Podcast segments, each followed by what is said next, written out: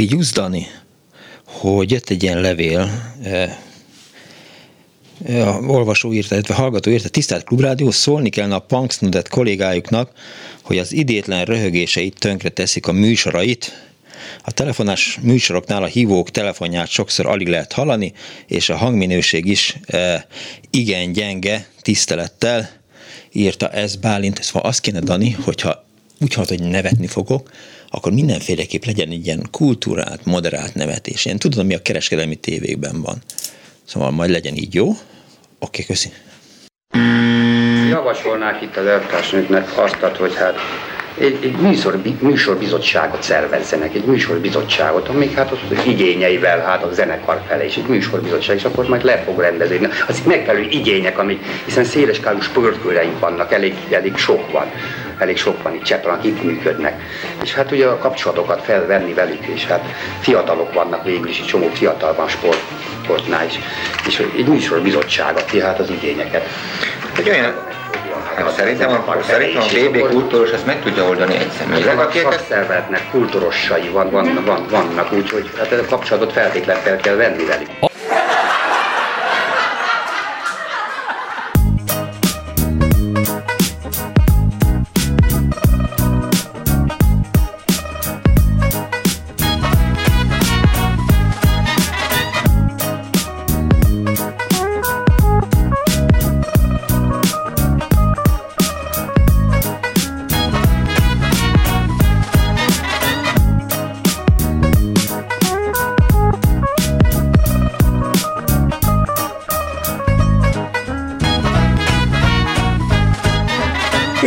Drága hallgatók! Ez a Klubrádió benne az Annó Budapest az önök alázatos narrátorával, Punksnodded Miklóssal. Múlt héten már meglengedtem, vagy belengedtem azt, hogy a eheti adásban az időjárással fogunk foglalkozni olyan meteorológiai jelenségekkel, amelyek tönkretették az önök tervezett nyaralását, koncertjét, utazását, bármit.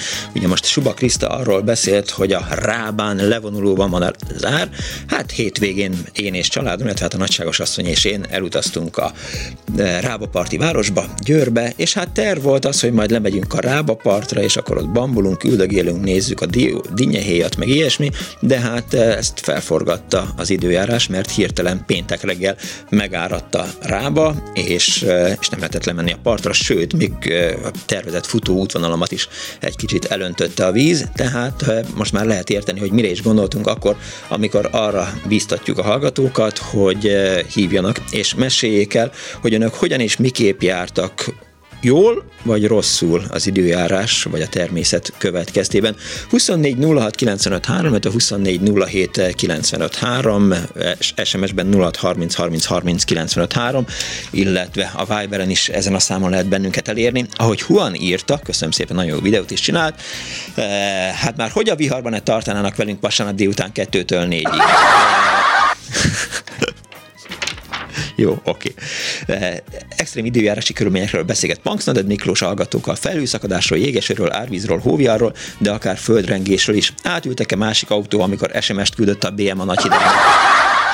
Igen, ezen nevettünk egyébként eh, a szerkesztő kollégámmal, mert a lánya Ausztráliában él, és van neki mobiltelefonja, és iszonyatosan nem értette, hogy miért írnak neki egy levelet Ausztráliába, hogy üljön át egy másik autóba. Vitte le a cserepet a szél a tetőről, vagy inkább pincét kellett szivattyúzni, meséljenek, hívjanak bennünket. És a vonat túlsó végén itt van már bennünk német Lajos meteorológus. Hello, szia! Szervusz, üdvözlöm a kedves rádió hallgatókat! Akkor, amikor téged meghívtak erre a programra, amiről most éppen egy kicsit elszakítottunk, akkor megnézted, hogy milyen időjárás várható a térségben vasárnap délutánra? Mindenféleképpen, hiszen azok a szabadtéri programok, amelyek hétvégékre esnek, nagyon-nagyon függnek. A sikerük is attól, hogy milyen időjárás várható.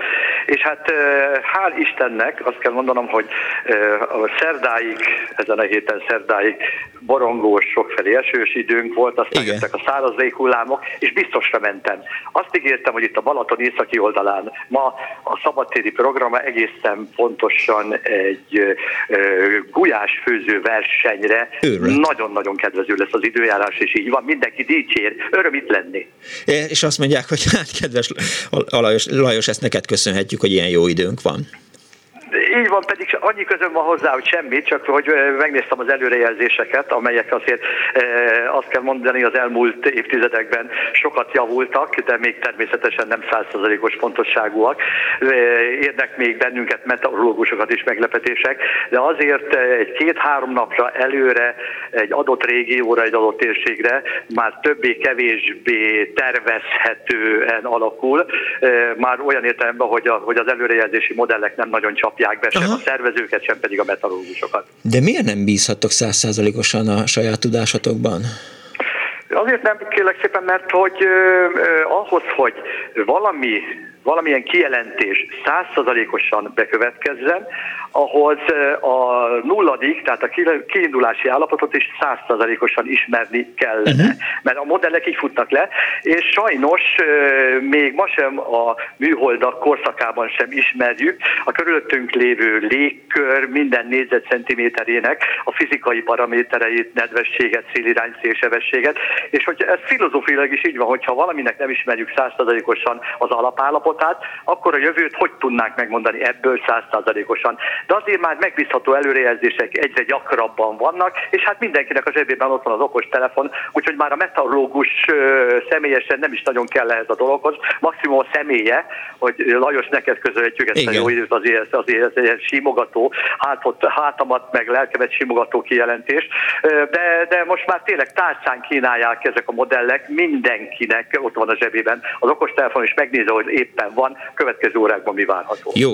nekem nagyjából három vagy négy időjárás jelző alkalmazás van a telefonomon. A Vindi, az időkép, a köpönyeg, a telefonnak is van egy saját alkalmazása, időnként teljesen más ír egyébként, és időnként rácsodálkozom arra, hogy azt mondja, hogy az elkövetkezendő, eh, mit tudom én, három órában nagyjából 20% vagy 80% az eh, eső lehető. Uh-huh lehetséges százaléka abban a körzetben, ahol én tartózkodom, aztán persze semmi nem történik. Vagy jó időt ígérnek, aztán meg nézek hülyén, amikor szakadni kezd az eső. De ez az igazság, hogy ez olyan, hogy a költő is ugye megálmodta, és azt mondta, hogy válasszunk magunknak csillagot, válasszunk magunknak olyan alkalmazást, amelyben a legjobban megbízok. És ez már tényleg a felhasználónak a tapasztalatából, mert Yes. Igen. Pontosan így van. De, mert, mert igazán egyetlen egy olyan modell sincs, amelyikben százszázalékosan megtudnánk, hogy, hogy milyen időjárás várható tényleg az örvendetes, hogy neked is van legalább négy alkalmazás, nekem 34, de időnként az alkalmazások dzsungelébe is elveszek, és már csak akkor a fejem, hogy mit mond, milyen lesz. Úgyhogy én remélem, hogy azért a kedves hallgatók nem csak ezeknek a, az alkalmazásoknak, amelyik emberi kéz érintése nélkül nyújtják nekünk tálcán a várható, vagy valószínűsíthető előrejelzést, de mérget senki ne vegyen rá, hogy olyan lesz, mert sajnos akkor az emberiség jelentős része a következő években, évtizedekben biztos, hogy kihal. Volt már olyan, hogy valamilyen programot tönkretett a hirtelen megváltozó időjárás? Ezt megismételni, tehát hogy nekem volt egy hitem, meg igen, várj, akkor most eh, lefordítottam, csak kicsit eh, rosszul hallak, a sok pörköltől már nem is hallok.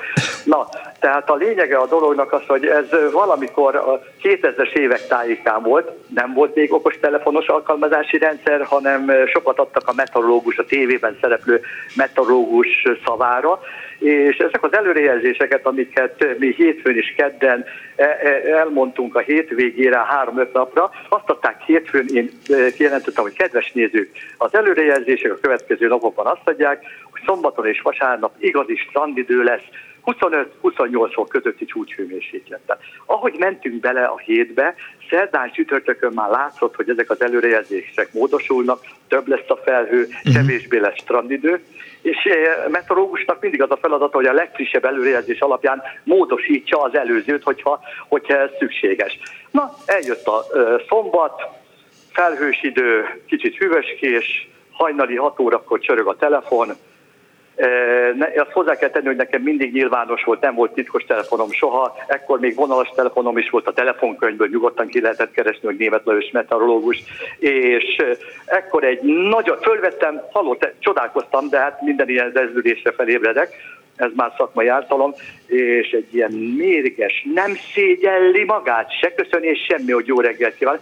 Tessék parancsolni német Lajos, nem szégyelli magát. Azt mondta, hogy a hét elején, hogy a hétvégén strandidő lesz, itt ugrál az ágyamban három gyermekem, akik mondták, hogy apu, mikor megyünk már a strandra, mert a hét elején azt mondta a meteorológus bácsi, hát az apuka nem éppen dicsérőleg fogalmazta meg a tevékenységünket, de aztán egy hosszú beszélgetés, egy félórás beszélgetés során abban maradtunk, hogy az élet útjai kifürkészhetetlenek csak úgy, mint ahogy az időjárási frontok útja is időnként kifürkészhetetlenek. Nem lett belőle barátság, de legalább vér nem folyt. Meglepő számodra az, ami most így zajlik a világban időjárás változással kapcsolatban? Gondolok itt arra, hogy, hogy látjuk, hogy mi zajlik Havajon, mi zajlik Európában, Németországban, Szlovéniában.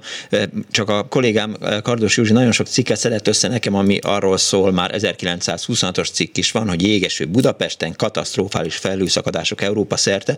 Tehát úgy látszik, hogy, hogy azért nem egyedi a mostani időjárás, vagy nem? Abszolút nem.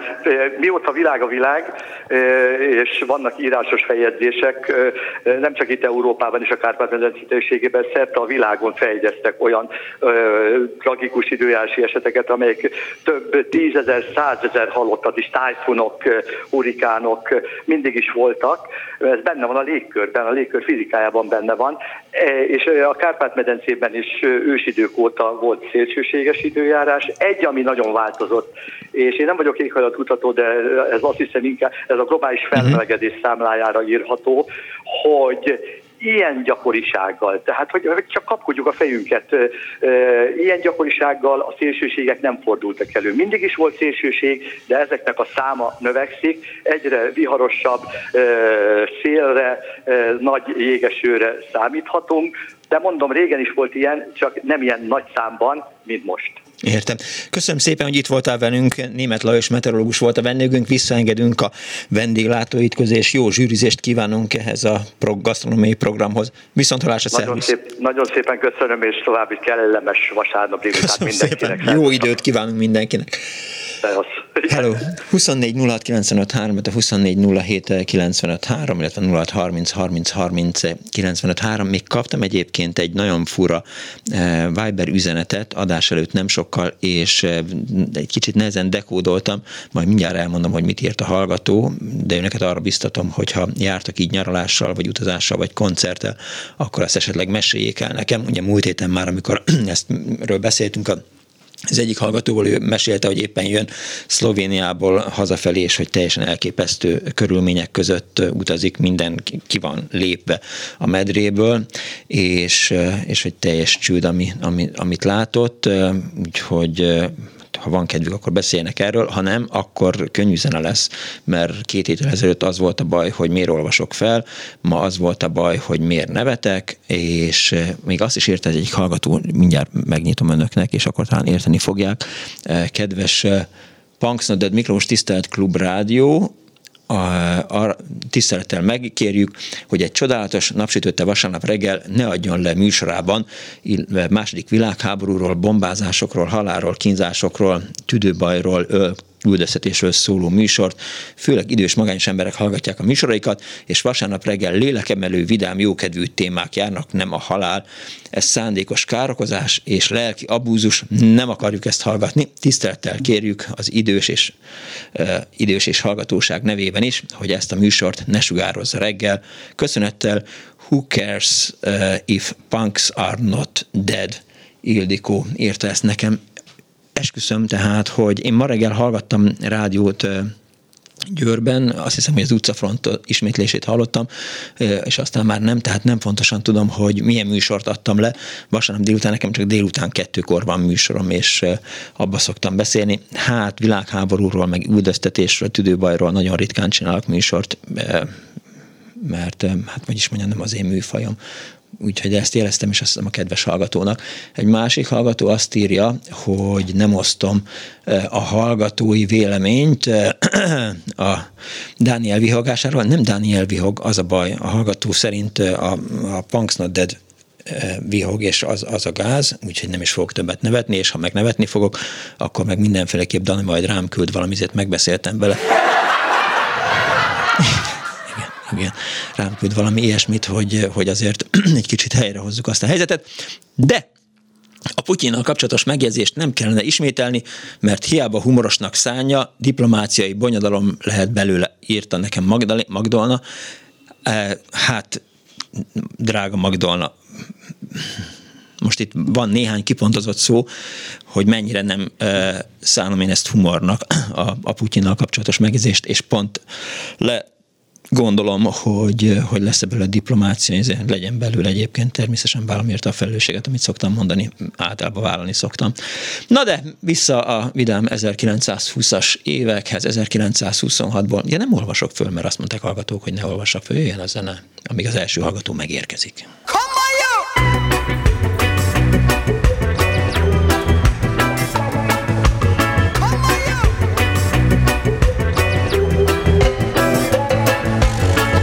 Sometimes I dream about reality. Sometimes I feel so low.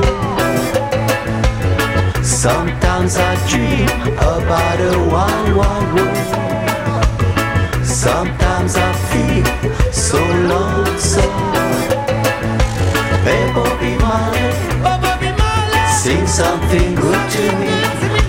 This world go crazy it's an emergency.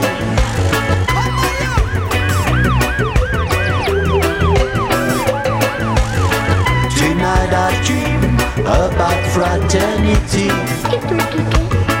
Tonight I say, one day,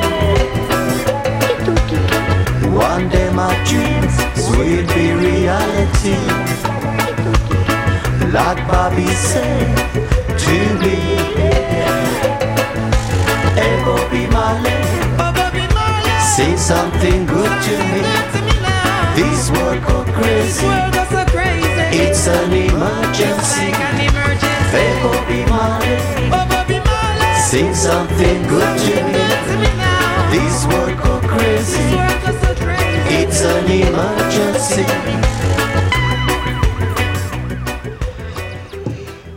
24 egy kedves hallgató a vonal túlsó. Jó napot kívánok! Halló, szervusz, Tóth Gábor! Hello, Gábor, rég hallottalak. Ne neves. Szóljál rám, hogy ne nevessek. Szóljál, hogy nem vicces, amit mondtál. Tessék? Mindig szóljál rám, amikor nevetek, hogy nem vicces, amit mondtál, ne nevessek. Ja, mm, nem tudom, le, én, én remélem, hogy humoros volt, és akkor inkább, inkább ez büszkeséggel tölt el. Tehát, hogy Hát jó. Oké. Okay. Hello, miért hívtál? Két, ö, nem tudom, tehát két, két történetem is van. Legyen az, hogy kétszerre telefonálok, vagy mondjam el egy, egy, egymás után a kettőt, vagy hogy legyen?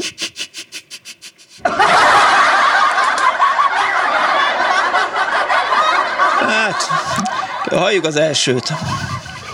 Jó, akkor az első picit az egy, egy szolidabb, nem többször már beszélgettünk, és talán kiderült, hogy én ilyen telepített siótatóként is igen. Dolgoztam Olaszországban is, meg És hogy mindig mindenkit is. lehúztok pénzre.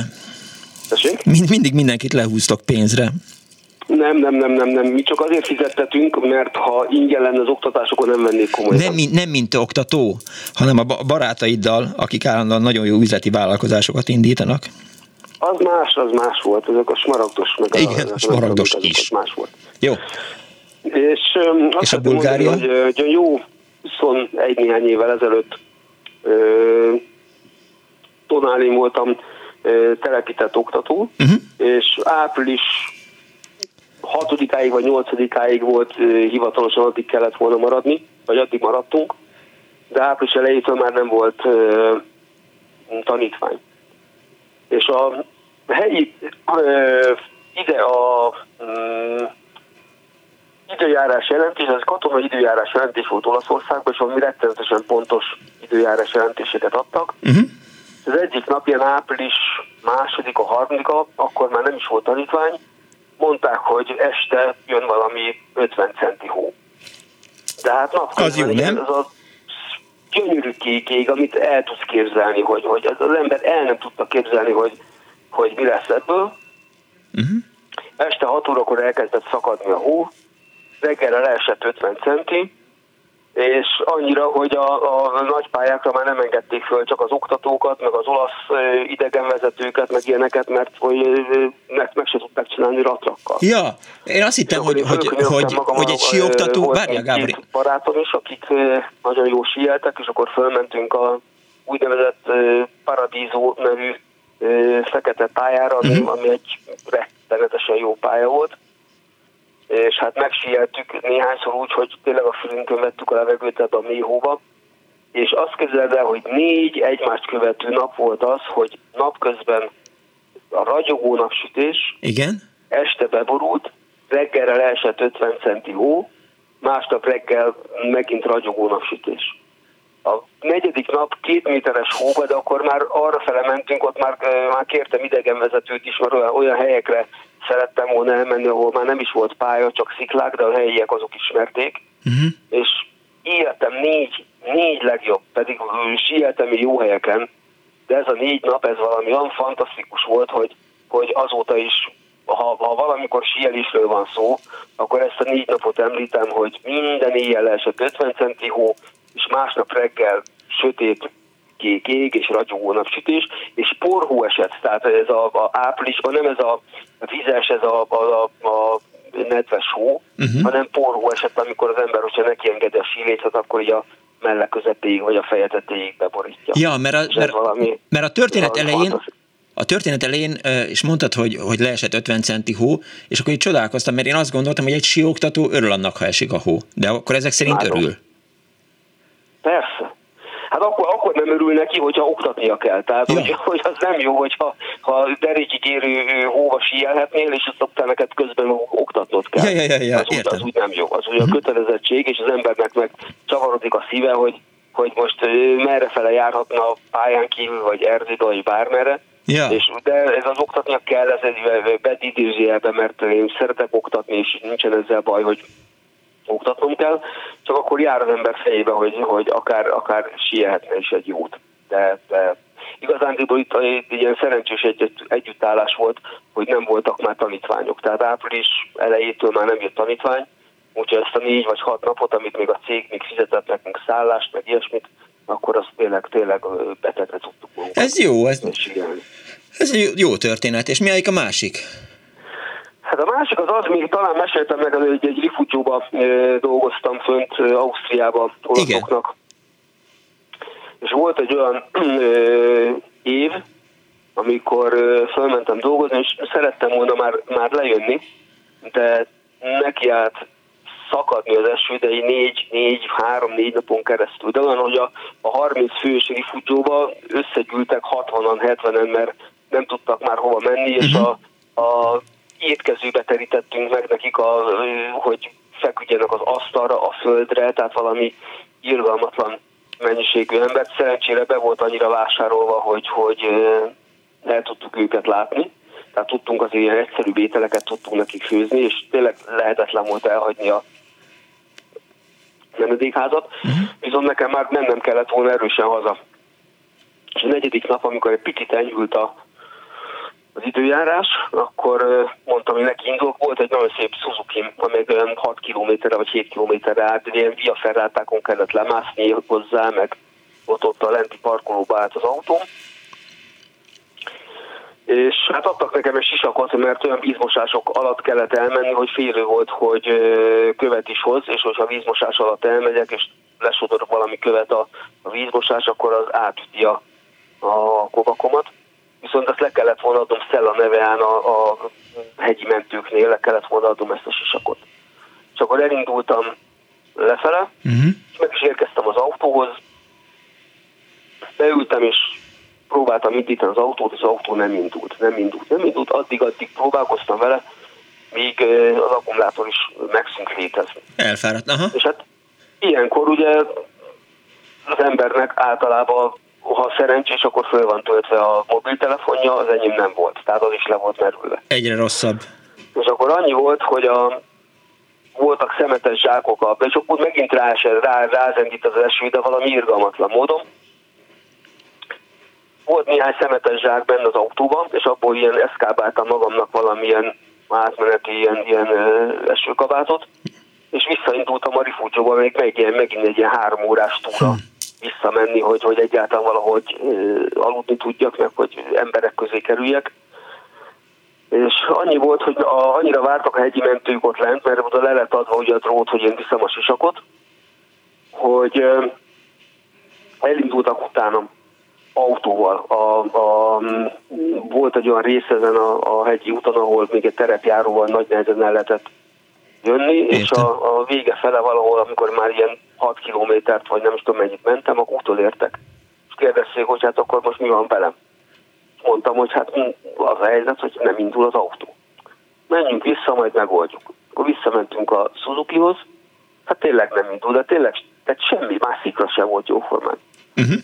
Szóval vagy, vagy utáltak, vagy nem tudom, de mondták, hogy ők, ők ezt most megoldják, és akkor addig húznak engem, míg be nem indul az autó. Ja, érted. És akkor lehúztak oda a Szellaneve és Tarvízió közötti szerpentire, és ott elkezdtek húzni, és tényleg egy olyan 3-4 kilométer után valahogy nem tudom, hogy hogy ezt ne is kérdezt tőlem, beindult az autó, uh-huh. és akkor azt, azt lehetett vele menni. És az első olasz benzinkútnál ugye nekem tankolnom kellett, és hát nem állítottam meg az autót, mert mondtam, hogy hát ha nem fog elindulni még egyszer. az autót, akkor nem indul. Igen. Úgyhogy járó motorra tankoltam. Amit elvileg nem szabad? Nem, nem, nem, nem, nem, nem, de megengedték, mert mondtam, hogy egyszerűen fogalmam nincs, hogy még egyszer beindul az Én is jártam már így a lancsával. Szerencsére ezt az európai nyelvet valamennyire beszélem, úgyhogy hogy, hogy, megértették hazajöttem, és akkor másnap átvittem az autót a az autószerelő barátomhoz, akkor nézzük meg, hogy mi van vele.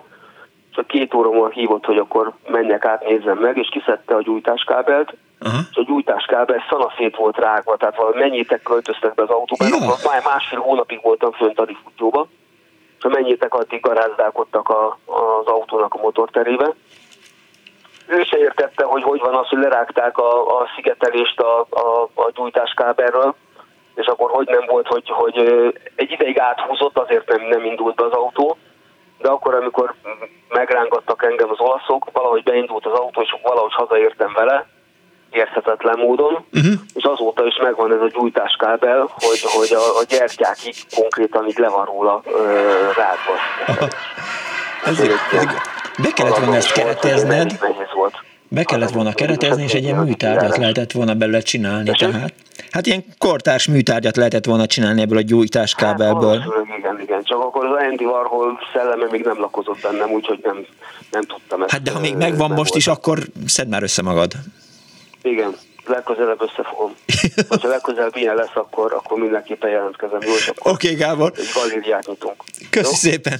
Oké, okay, Viszont hallásra Hát, kedves, ez Bálint, érkezett két SMS, ami arról szól, hogy inkább nevessek, mert hogy egyrészt a műkacaj az, az nagyon gáz, rosszabb, mint az eredeti, másrészt meg néhányan azt írták, hogy ők ezt ha szeretik, úgyhogy Bálint kettő az egy arányban vesztettél. 24 06 95 3, 24 07 95 3, egy hallgató van a vonalban, jó napot kívánok! Szervusz, én Klima Katinka vagyok, és Hello. én is az eredeti nevetésedre szavazok inkább, hogyha lehet, ha stigulázod a dolgot. Én azért jelentkeztem, mert egy vonatos hajós kis kalandunk Na. volt tizen pár évvel ezelőtt, jósorsom úgy hozta, hozta, hogy a nagynénémmel egy földközi tengeri hajózásra készültünk hmm. menni, és az olaszországi Velencéből indult a hajó, uh-huh és hát bátran azt gondoltuk, hogy a más segítségével akkor mi Budapest-Venecia megoldást választjuk. Ez egy olyan vonat volt, ami így este indult, és reggelre kellett leérni a Velencébe, és akkor egy óriás vihar kerekedett az este folyamán, úgyhogy mi akkor is még a Balatonnál veszegeltünk a nyílt pályán a vonattal. Amikor már amikor indult a hajó. kellett volna érnünk Velencébe. Aha és aztán hát pótlás, nem pótlás, szerelés, most azt nem is mondom, hogy közben a kalauz elment, ott hagytam el lejárt a szolgálata, emiatt nem tudott időben tovább indulni a vonat, tehát hogy ugye mával mindenféle kalamajkák voltak, de aztán nagy nehezen úgy értünk le a a vonattal, hogy megy be a városba a vasúti összekötő hídon a, a vonat. Mi akkor láttuk a mi hajónkat, mert ez egy olyan hajótársaság, aminek sárga a kéménye, tehát hogy így nagyon észre lehet venni, uh-huh akkor a hajónk már kifutott a kikötőből. Persze előtte is már hajnalban beszéltünk a hajótársasággal, hogy Késünk. nem biztos, hogy odaérünk, Aha. mi történik, meg tudnak-e várni minket, de sajnos nem. Úgyhogy aztán az lett a vége, hogy láttuk a hajót, ahogy elindult, de abban maradtunk a hajótársaságban, hogyha egy ilyen 25 órás vonatozás után még bevállaljuk azt, hogy Velencéből levonatozunk Báriba, uh-huh. egy mhm. plusz 8 órás kis vonatúttal, ott megelőzzük a hajót, akkor ott be tudunk csekkolni, és aztán végül is így ezt, ezt választottuk, hogy ugyan egy, egy nappal kevesebb napunk volt a hajón, de, de így legalább De végül is happy végződött. Igen, hát, és némi kártérítéssel, mert aztán hónapokig leveleztem a, a mával, hogy volt biztosításunk, és mi, hogy, és mi történt, és akkor aztán arra már nem is emlékszem, hogy valami pár száz euró kaptunk egy hát engem, gyanánt. Engem a guta ütött volna meg ott ülni Velence főterén, látva, hogy elment a hajóm, és, és hogy oké, rendben tudjuk, hogy a hajó megy, meg minden, de hát lemaradtam róla a francba. De jó, hát ezért hogy... kellett akkor gyorsan tovább De jó, hogy megoldották Minket nem a guta ütött meg, hanem jegyet vettünk egy újabb vonatra. Ez mikor volt? Hát ez tizen... Sok éve? Pár évve. Most így hirtelenjében már nem is emlékszem. Nem csak, hogy volt-e már mobiltelefonod? Tizen. Ja, az volt. Aha. Az volt, igen, mert a, haj, vagy a vonatról úgy tudtam, úgy tudtam beszélni a hajótársasággal, igen, az volt. Tehát nem csak az, hogy, hogy a Velencei kikötőben megkerested a hajótársaságot, a jó napot kívánok, elment a, elment a hajó, ez a hajó már elment. Értem. Nem, de aztán utalértük. És jó volt, a, jó volt a földközi tengeri körút? Hát persze, az mindig jó. Jó, Igen. még nem próbáltam, nagyon, de. Javaslom, nagyon csuda. És akkor most nem mondom, hogy ki van éppen egy földközi tengeri. Ja, jó, de miért nem is földközi tengeri van? De mi nem olyan hajóval voltunk, mi egy nagyobban. Ki nem mondanám azt a szót? Már, már mondtam is. Pénteken. Köszönöm Én szépen, hogy hívtál. Én is, minden Viszont jót, hallásra, hello. 24 06 95 3, 24 07 95 3, SMS-ben 06 30 30 30 95 3.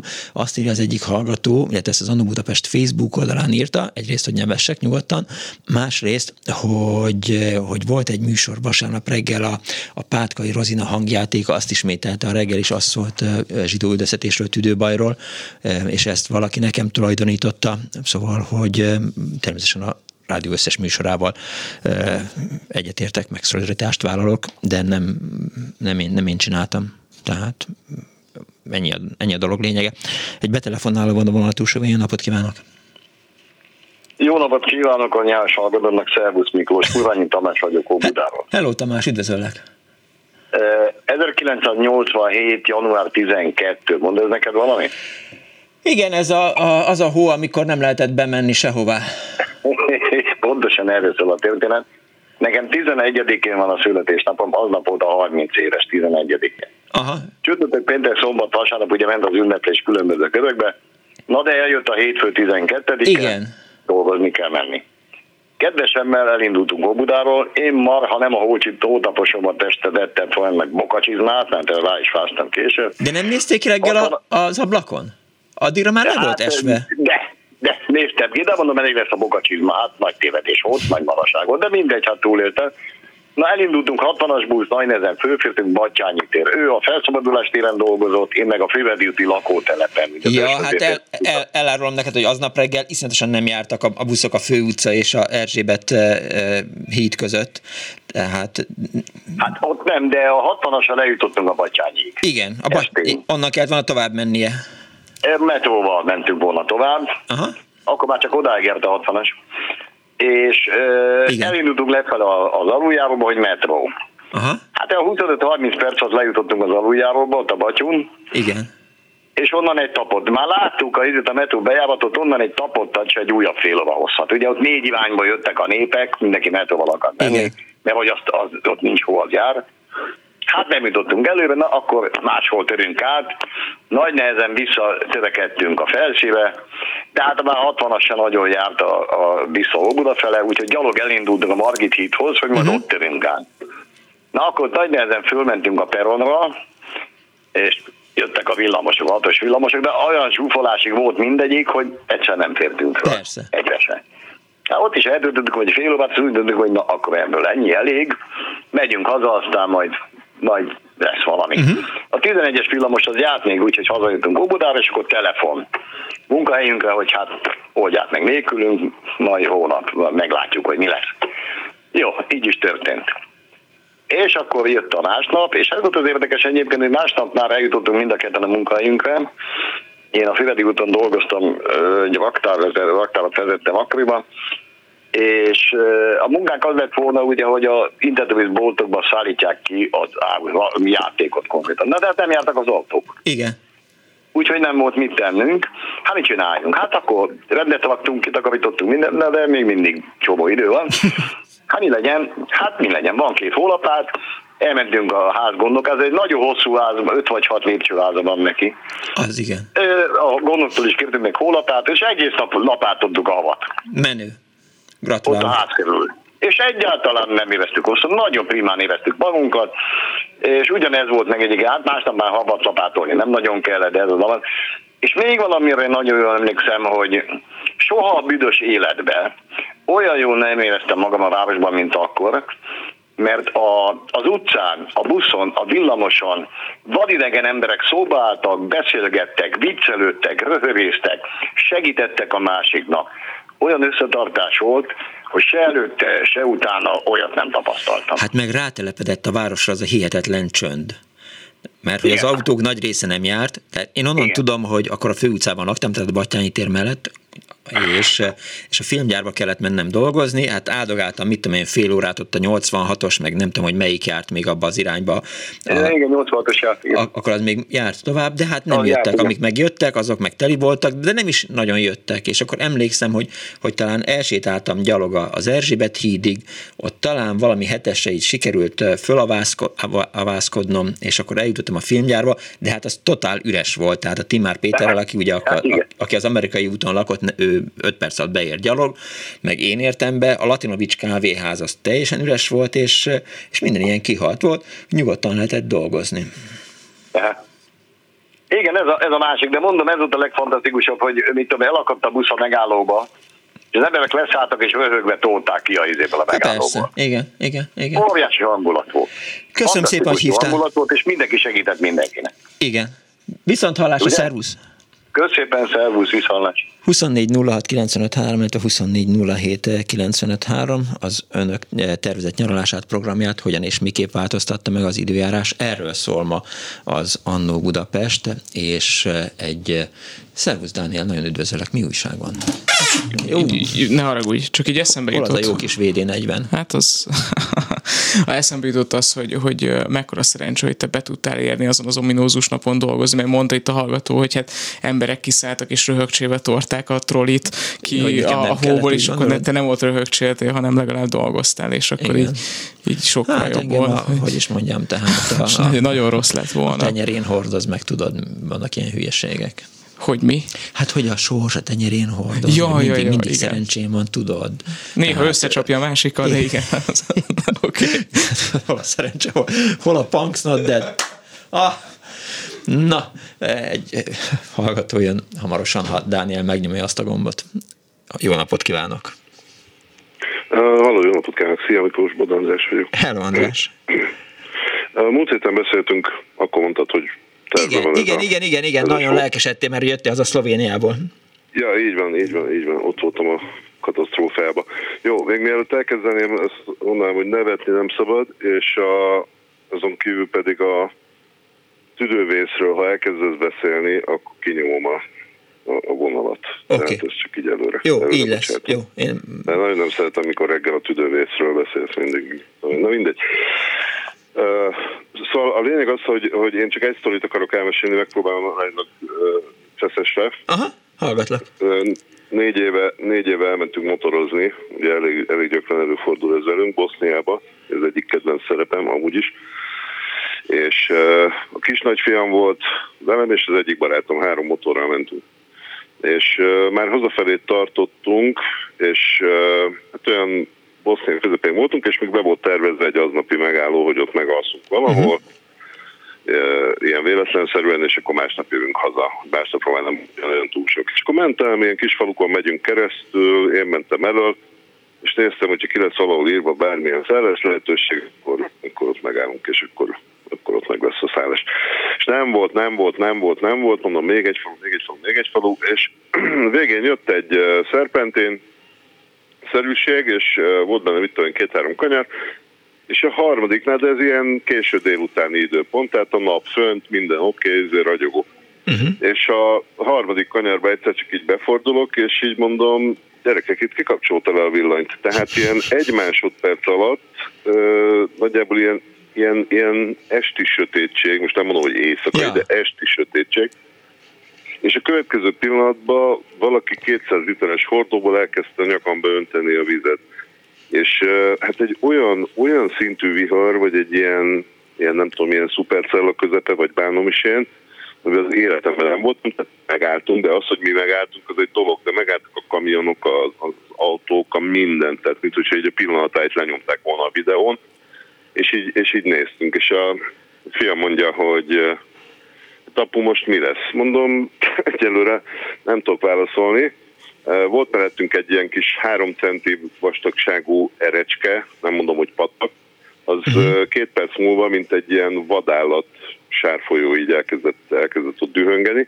Szóval így álltunk, és tényleg csak így néztünk, hogy most mi. És álltunk 10 percet, és mondom, hát jó, menjünk tovább, mert ebből így nem lesz semmi. És elindultunk ebbe a teljes izébe, de hát úgy, hogy a kormányig nem láttam el. Tehát hm. tehát gyakorlatilag a motor elejét már nem láttam, tehát itt tapogatózva. És onnan csak találunk valami védettebb helyet, találtunk valami fűrészmalmot, vagy mi a bánatot, vagy egy ilyen fűrésztelepet. Egy darab ereszt nem volt az egész telepen, egyébként nyitva volt, de egyetlen behúzódható hely, szóval úgy építették volna, hogy nehogy valaki meg lehessen védeni, esetleg, hogyha esik az eső. És oda befordult egy piros golf, és abba ült egy csávó, leeresztett egy résre az ablakot, kiordított angolul, hogy hogy ő motoros és kövessük. Uh-huh. És annyi volt a szerencsé, hogy piros volt az autó, mert ebből volt egy ilyen kis halvány rózsaszínes derengés előttem, úgy tudtunk utána menni, és ő bevitt a következő kisvárosba nevezett Kladány, ha jól emlékszem. És ott, és ott megálltunk végül is egy helyen, ami mondta, hogy hát ez az ő klubházuk, mert így ilyen motoros klubnak volt tagja. Volt, ja, és, és menjünk be, ígyunk egy sört. De mondom, Bari, mondom, figyelj rám, tehát én nagyon szívesen megiszom egy sört, de egyelőre, uh, hogy mondjam, tehát szeretnék egy kicsit, kicsit hogy mondjam, levenni magunkra ezt a, ezt a hacukát, ami rajtunk van, mert ugye első ruhánk meg ilyesmi, arra idősebb volt, meg egyébként sem volt nálam speciál. Uh-huh. Na mindegy, és a lényeg az, hogy elvittük szállodába, két saroknyira, ami nagyjából egy ilyen, mint itt a 80-as években, tudod, amikor még ezek a kék meg UV fények voltak még szinte nappal is, a teraszokon volt egy-két ilyen hely. Igen. Na hát ez, ez, ez, ott, ez ott még meg volt bőven öt évvel ezelőtt, és ilyen, hát ilyen, ilyen írgalmatlan arcok ültek ott kint, meg mit tudom mi. Motorosok. És nagyon-nagyon kedvemre való volt az egész hely, uh-huh. és 20 euróért kaptunk egy három ágyas szobát, Uh, ahol is hát elég, elég, elég jól el voltunk. Uh, annyira áztam csak át egyébként, hogy a bőrcsekimet másnap kiakasztottam a motorra, amikor jöttünk hazafelé, és ugye jöttünk még 6 órán keresztül, magyarul átfújta egy ilyen 100 kilométeres szél a, a jacket, és amikor megérkeztünk, még vizes még volt. csöpögött belőle. A, a csizmámat azt nem tudtam levenni például, uh, és ebből fakadólag fölvennem se kellett másnap, tehát mondjuk ugye elég izgalmas volt de az életem egyik legnagyobb vihara volt, amiben valaha is részt vettem, pedig hát voltam egy-kettőbe így, a, így az erre-arra barangolások során. A Na, fiad mögötted ült? Nem, külön jött. Ő és saját motorral? Ráadásul, igen, ráadásul ugye az, az én motorommal jött, ami 420 kg csendesen, oh. és hát azért elég, elég izgultam, na, azt meg kell, hogy mondjam. Ráadásul, amikor beértünk ebbe a kisvárosba, a, amiről szó van, ahol a piros gyerek vitt minket, uh-huh ott uh, voltak ilyen lejtős utcák, és akkor tudod, így, így benéztem oldalt, és jött le egy ilyen, egy ilyen áradat, és ja. mit tudom én, 200 literes hordó, uh, esztergagép, konyhaszekrény, szóval ilyenek jöttek így oldalról. De és úgy gondolkoztam, hogy ilyen, ilyen helyzetben kinek van elsőbség a konyhaszekrénynek, vagy a villamosnak, szóval nem tudtam pontosan eldönteni, de de piszok izé volt uh, rázos, és, és, és, hát ilyen blokkig ért a víz, tehát magyarul ilyeneket, hogy járt a sziget, meg ilyen hülyeségeket nem is láttál eleve. Az egész egy ilyen lótri volt. Mégis annyi volt a szerencsénk, hogy a helyi erő előttünk ment, és így aztán nem akadtunk föl különösebben semmi, meg hát szóval megúsztuk az egészet, de, de ja. És hallottál híreket arról, hogy valaki cudarabul járt? Vagy mondták? Abba, abba, abba az időben? Na, nem, nem, nem. Hát utána este mi ugye, amikor megfáradtunk egy kicsit, vagy ez legalábbis úgy jobban lettünk, akkor átmentünk ezekhez a srácokhoz, ők összerántották ott a teljes, mit tudom én, ilyen motoros klubot, vagy mit, és akkor mi ott ilyen látványosság lettünk, és mindenki boldogan hozott különböző szetes italokat, amiket ott nagy megelégedéssel és közmegegyezéssel elfogyasztottunk. Egi. És végig az egészet. Nagyon jó fejek voltak egyébként, szóval nagyon jó, nagyon jó arcok voltak. Úgyhogy ott voltunk egy viszonylag hosszabb ideig, aztán másnap mi már jöttünk haza. Igen, jó alcím, az életem legnagyobb vihara. Volt benne. Köszönöm Volt szépen, hogy hívtál, András. Oké. Okay. Viszlát, hello. Szép napot, sziasztok. 24 06 95 3, de 24 07 95 3, SMS-ben 06 30 30 95 3. Tíz éve írja az egyik hallgató, március 15-én vonattal indultam Kaposváról a fővárosba. Kétszer annyi idő alatt értem fel, mint máskor írta Piroska eh, SMS-ben. Halló, jó napot kívánok! Halló! Gyöngyösről beszélek. Üdvözlöm Önt is, és a hallgatókat Üdvözlöm, kész csak, jó napot kívánok! Két érdekes esetem van. Na. Az egyik, nagylánykoromban vagy kislánykoromban édesapám harangozó volt. De jó. És ott nálunk a faluba, amikor jött a vihar, nagy borulás, meg égzengés, meg villámlás, akkor kötelező volt harangozni. Uh-huh. Na most, ha ők kim voltak a határba dolgozni, otthon kellett nekem várni azt, hogy valaki szóljon nekem, hogy harangozzak, vagy pedig az iskolából a kántor tanító elküldött, na kis pap, mehetsz azt mondja, harangozzál, mikor jött a vihar. Mm. És én szerintem biztosan, hogy ez a, ez a hangnak a rezgése, ez valamit segített rajta, de olyan eszeveszett nagy viharok nem voltak ott a faluban, ez zsámbokon volt. Hát de fura ez. Igen, és így nem hallok azóta se, hogy, hogy egy ilyen ágyúval lehetne lőni a, a, a vihar közepében. Szóval nem, nem értem, hogy ez hogy volt, hogy mi már régen ilyet csináltunk. Hát azt lehet tudni, hogy, hogy, hogy Kecskeméten a Mercedes gyár körül ott folyamatosan figyelik a, a viharfelhőket, vagy én úgy hallottam Kecskeméti kapcsolataimtól, amely és ha vihar jön, vagy, vagy jégeső, vagy bármi, ami tönkre verhetné mondjuk a, a mergáknak a karosszériáját, akkor fölőnek rakétákat, és a viharfelhőket eloszlatják. Nyilván már a Komcsisban volt ilyen, tehát, hogy, hogy a Szovjetunióban május 1-én, meg november 7-én azért tudták nyugodtan uh, megtartani a, a nagy ünnepségeket a Vöröstéren, mert, mert megoldották a, a felhőtlenítő eszközeikkel a, az oroszok ezt a dolgot. De hogy a harangozás uh, hogyan hat rá? Harangozás. Hát elég nagy harangunk volt ott a faluba, uh-huh. és uh, hatalmas hangja volt neki, és szerintem még a szomszéd faluba is lehetett hallani. Azt mondja Tehát meg valami, nekem. Ezek a hanghullámoknak a rezgése valamit segített, úgy gondolom. Hogy lett az édesapjából harangozó? Úgyhogy a plébánia mellett lakott. Ja, egyszerű volt. De 40, 44 évig volt harangozó, és szóval onnan ment nyugdíjba. Értem. És uh, óránként, vagy negy, óránként, negyed óránként, De... félkor és egészkor ütött?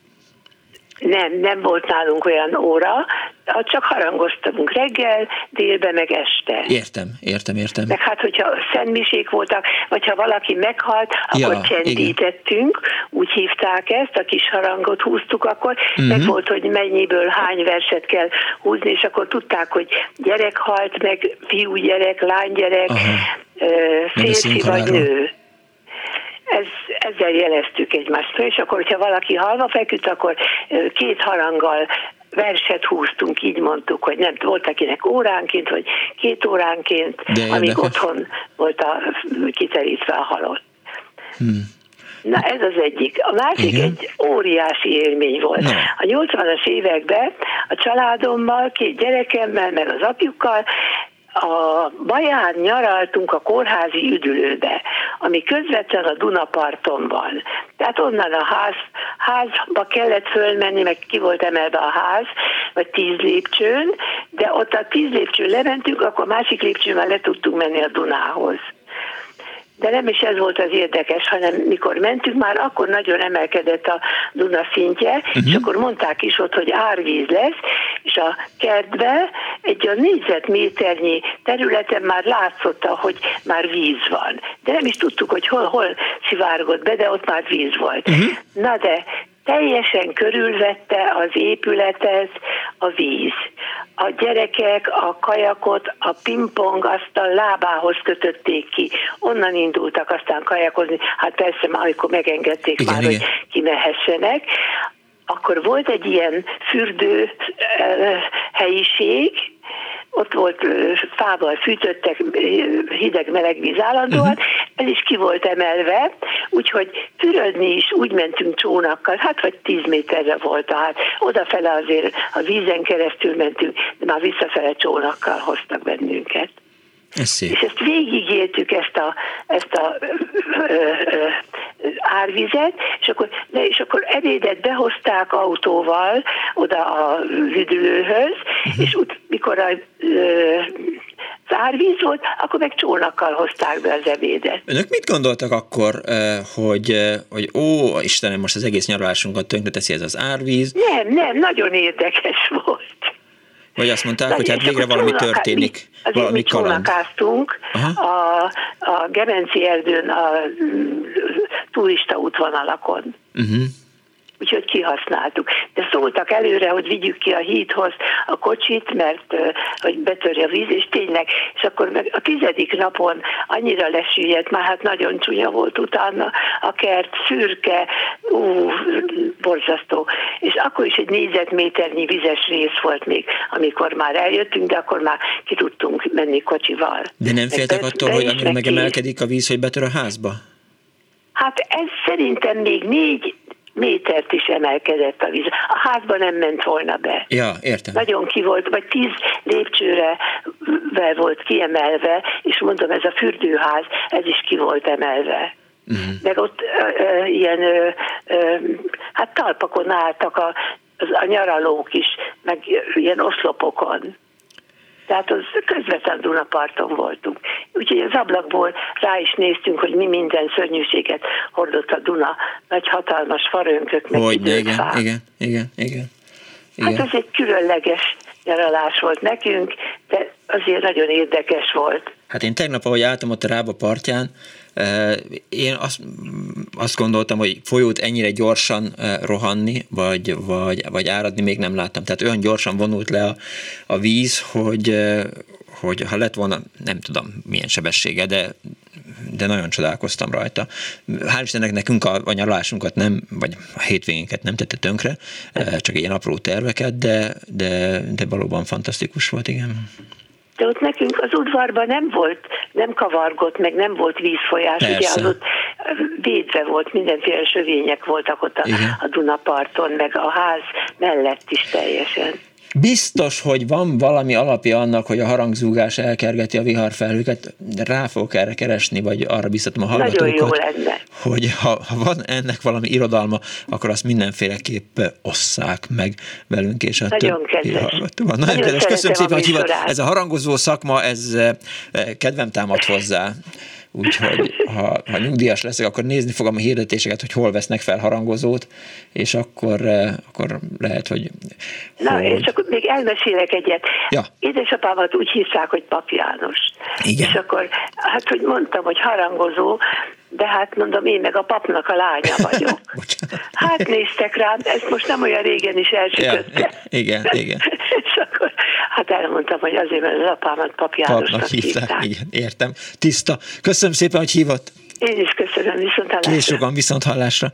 24 06 95 3, a 24 07 95 3 fura természeti jelenségekről, viharokról, e, árvízről, e, amelyek tönkretették a tervezett programjainkat, szól ma az Annó Budapest, már szóba került a 87-es eh, nagy tél, szóba került a, a Szlovéniában a a, a, az eső szóba került Olaszországban, Olaszországban volt, bár nem is minden a síterepen, az 50 cm-es hó, meg hát aztán most a bihar felhő, amit a harangzúgás előzött. Erről szól az Annó Budapest, úgyhogy van kedvük, akkor beszélgessünk három után is.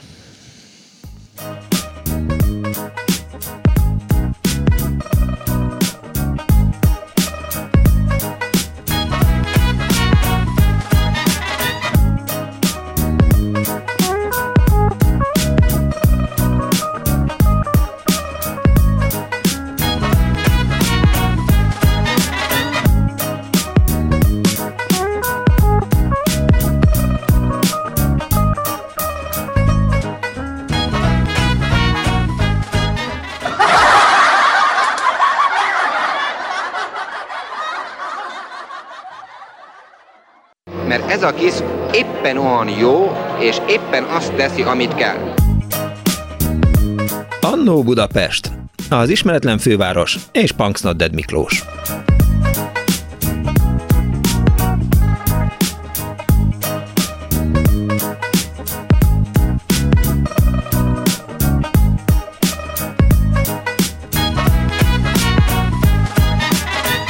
Jó napot a kívánok a most ébredő kedves hallgatóknak. Annyira jó fejek vagytok, kedves hallgatók, hogy mindjárt elmondom, hogy miért.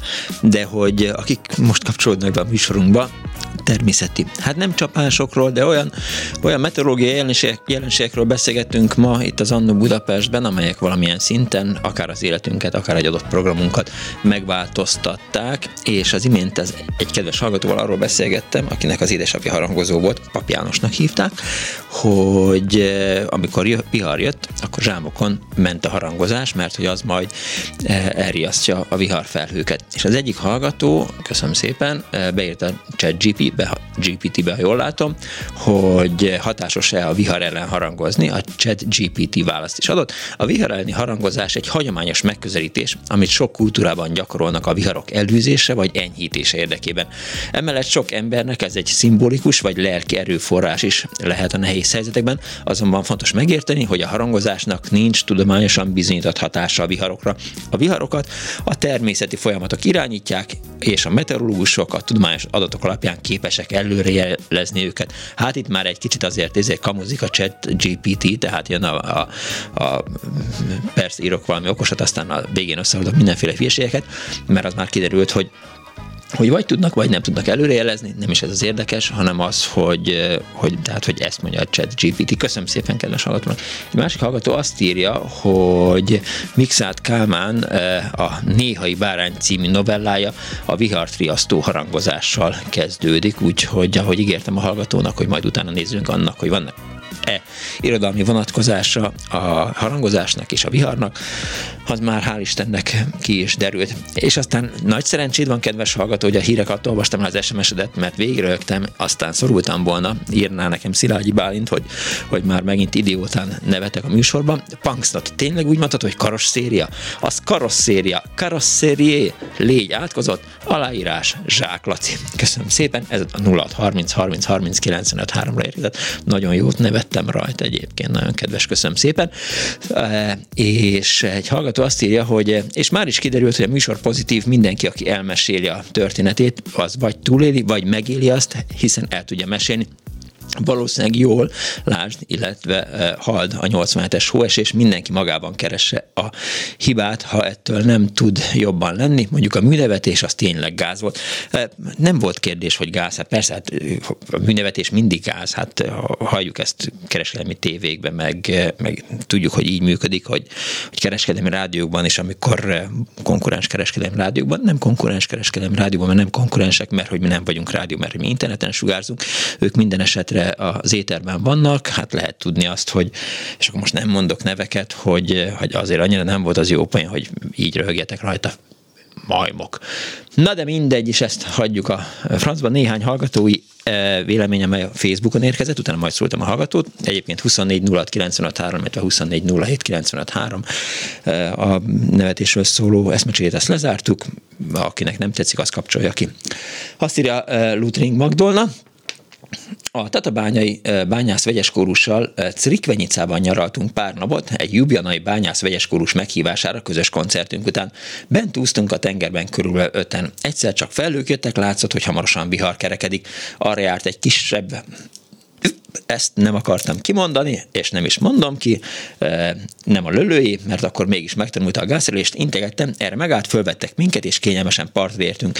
Amikor az az ominózus óriás hóesés volt, petszálon laktunk, pedagógus szálló lehet, és a suli, a centi, ahol tanítottam, jó messze volt, de egy óra helyett két és fél óra alatt értem be az iskolába, kb. fél tízre, nyolc helyet, viszont alig volt gyerek, és mások is elkéstek, úgyhogy nem volt bele baj. A Futórózsa utcán, Futórózsa, várjál, képzeld el, hogy eh, az egyik születésnapomra kaptam egy, eh, egy utcatáblát, a Futórózsa, valahány szám volt, eh, a, akik meg akartak lepni, a futás miatt természetesen hoztak nekem egy ilyen utcatáblát, zárójel bezárva, A Futurózsa utcán óriási hóban kellett gyalogolni, hát minden nem tiszta víz lett, csak neves nyugodtan.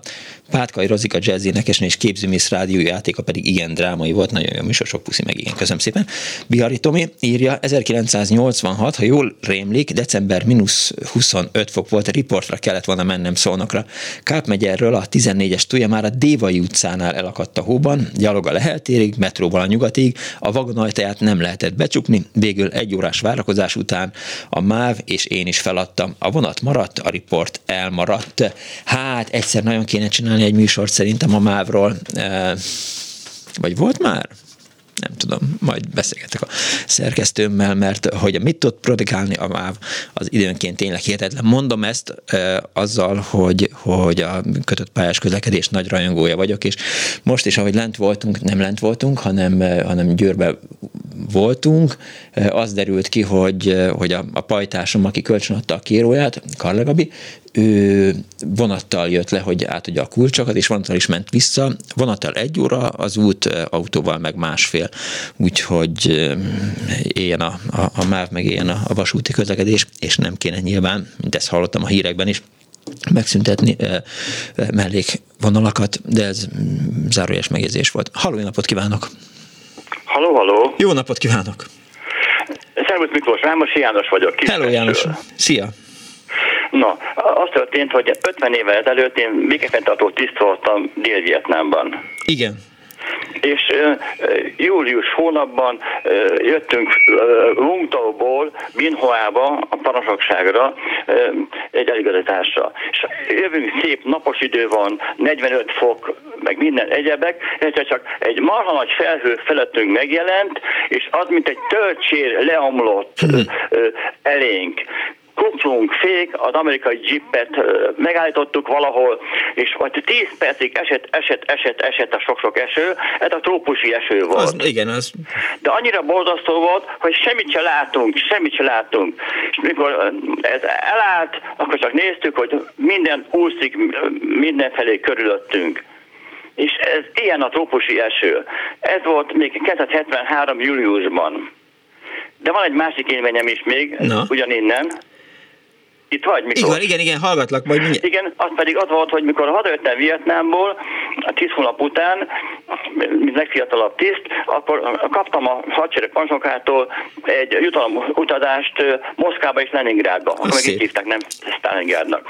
És akkor ugye értem a plusz 45 fokból, Nyolc nap múlva már Moszkvában voltam, ott meg volt mínusz 32 fok. Oh. Én beteg lettem, meg minden, és akkor jött az orvos, megvizsgált, a szemi baja nincs, de látom, hogy beteg, nincs jól. Mondom, mit csinálják? Azt mondja, mikor felülnek most a vonatra, és elmennek majd Leningrádba, akkor ott van a vonatnak a a fülkéje elején a, a teafőző termosz, abból igyon, igyon sokat, és mire odaérnek Leningrádba, addigra meg fog gyógyulni. Így is történt. Mert azt mondta, az a baj, hogy ugye plusz 45, meg mínusz 32 fok között nagyon nagy a különbség. És ezt a szervezet nem tudja elviselni, hát, úgy, hogy 8 napon belül ezt meg kell élni. Hát biztos. Termosz mondtál, de én, ha jól gondolom, akkor szamovár volt a vonat elejében, ugye? Samovár, Samovár, bocsánat, hülyeség, igen, igen, Samovár, Mert, Samovár, igen, igen. Nem, igen. nem, nem, nem, nem utaztam. Ez a, volt szovjet kocsi volt, ez még 73 novemberben volt. Igen, én nem, nem utaztam orosz vonaton vagy szovjet vonaton, de arról hallottam, hogy, hogy ott vannak a szamovárok, és mindenki, aki teát akar inni, az oda megy, aztán forró vizet enged. hát túlján minden fülkének, kocsinak a végén ott van, és nagyon finom teát lehet ott inni. Ja, ja, ja. Értem, János. Köszönöm szépen. Na, én is örülök, hogy hallottalak, most téged, és kívánok minden jót, jó egészséget. Viszont a szervusz! Na, szervusz! 24 06 95 3, 24 07 95 3. Halló, napot kívánok! Halló. Szia vagyok. Két régi-régi történetem van. Na. Az egyik az az 50-es évek első része, Igen? amikor diák voltam. Vidéki, vidéki gimnáziumban töltöttük az életet, uh-huh. és rendszeres volt a szénszünet. Vonattal jártam, nem csak én, hanem többen. Szénszünet? Egyik, egyik a tessék. Szénszünet? Szénszünet. Igen. Tanítási szünet volt, mert nem volt hűtőanyag. Ja. Ez az 50-es évek eleje. És egyik alkalommal kihirdették a szénszünetet, igen ám, de a vonat, amivel hazamehettünk volna a déli órákban, az már elment. Uh-huh. Az esti vonat, amivel rendszeresen hazajártunk, az meg az, ez a lántos kutya idejéből való. Igen. Nemzetközi vonat volt, vagy jött, vagy nem jött, ha jött, akkor is csak több órás késéssel. Uh-huh. Mikor kihirdették a szénszünetet, téli nap volt, hideg volt, de sütött a nap, összetoboroztam a arra felé lakó diákokat, és mondtam, hogy menjünk haza gyalog. Kicsit csodálkoztak, de aztán föl, felsorakoztak mögé. Én föl voltam mentve tornából. És elindultunk gyalog 20 kilométer. Az, igen. Minden edzés nélkül igen jó kedvén mentünk, uh-huh. aztán beborult, aztán elkezdett esni a hó, mi az, hogy ezek szakadt. Egyre rosszabb. Úgyhogy egyre rosszabb volt, egyre sötétebb volt, uh-huh. egyre fáradtabbak voltunk, de akkor már nem volt választás, úgyhogy menni kellett. Nem lehetett visszafordulni, mert félútnál tovább voltatok. Tessék? Nem volt lehetőség, mert félútnál már nyilván lassan tovább nem, voltatok. Hát nem volt, volt vonat délután, meg volt, tehát ez, ez Kiskunhalas és Soltvatkert között uh-huh. volt. És Ugye volt a déli vonat, amivel hazamehettünk volna, de neki legmaradtunk róla, és volt az esti, a nemzetközi, ami meg Kelebia felől jött. Igen.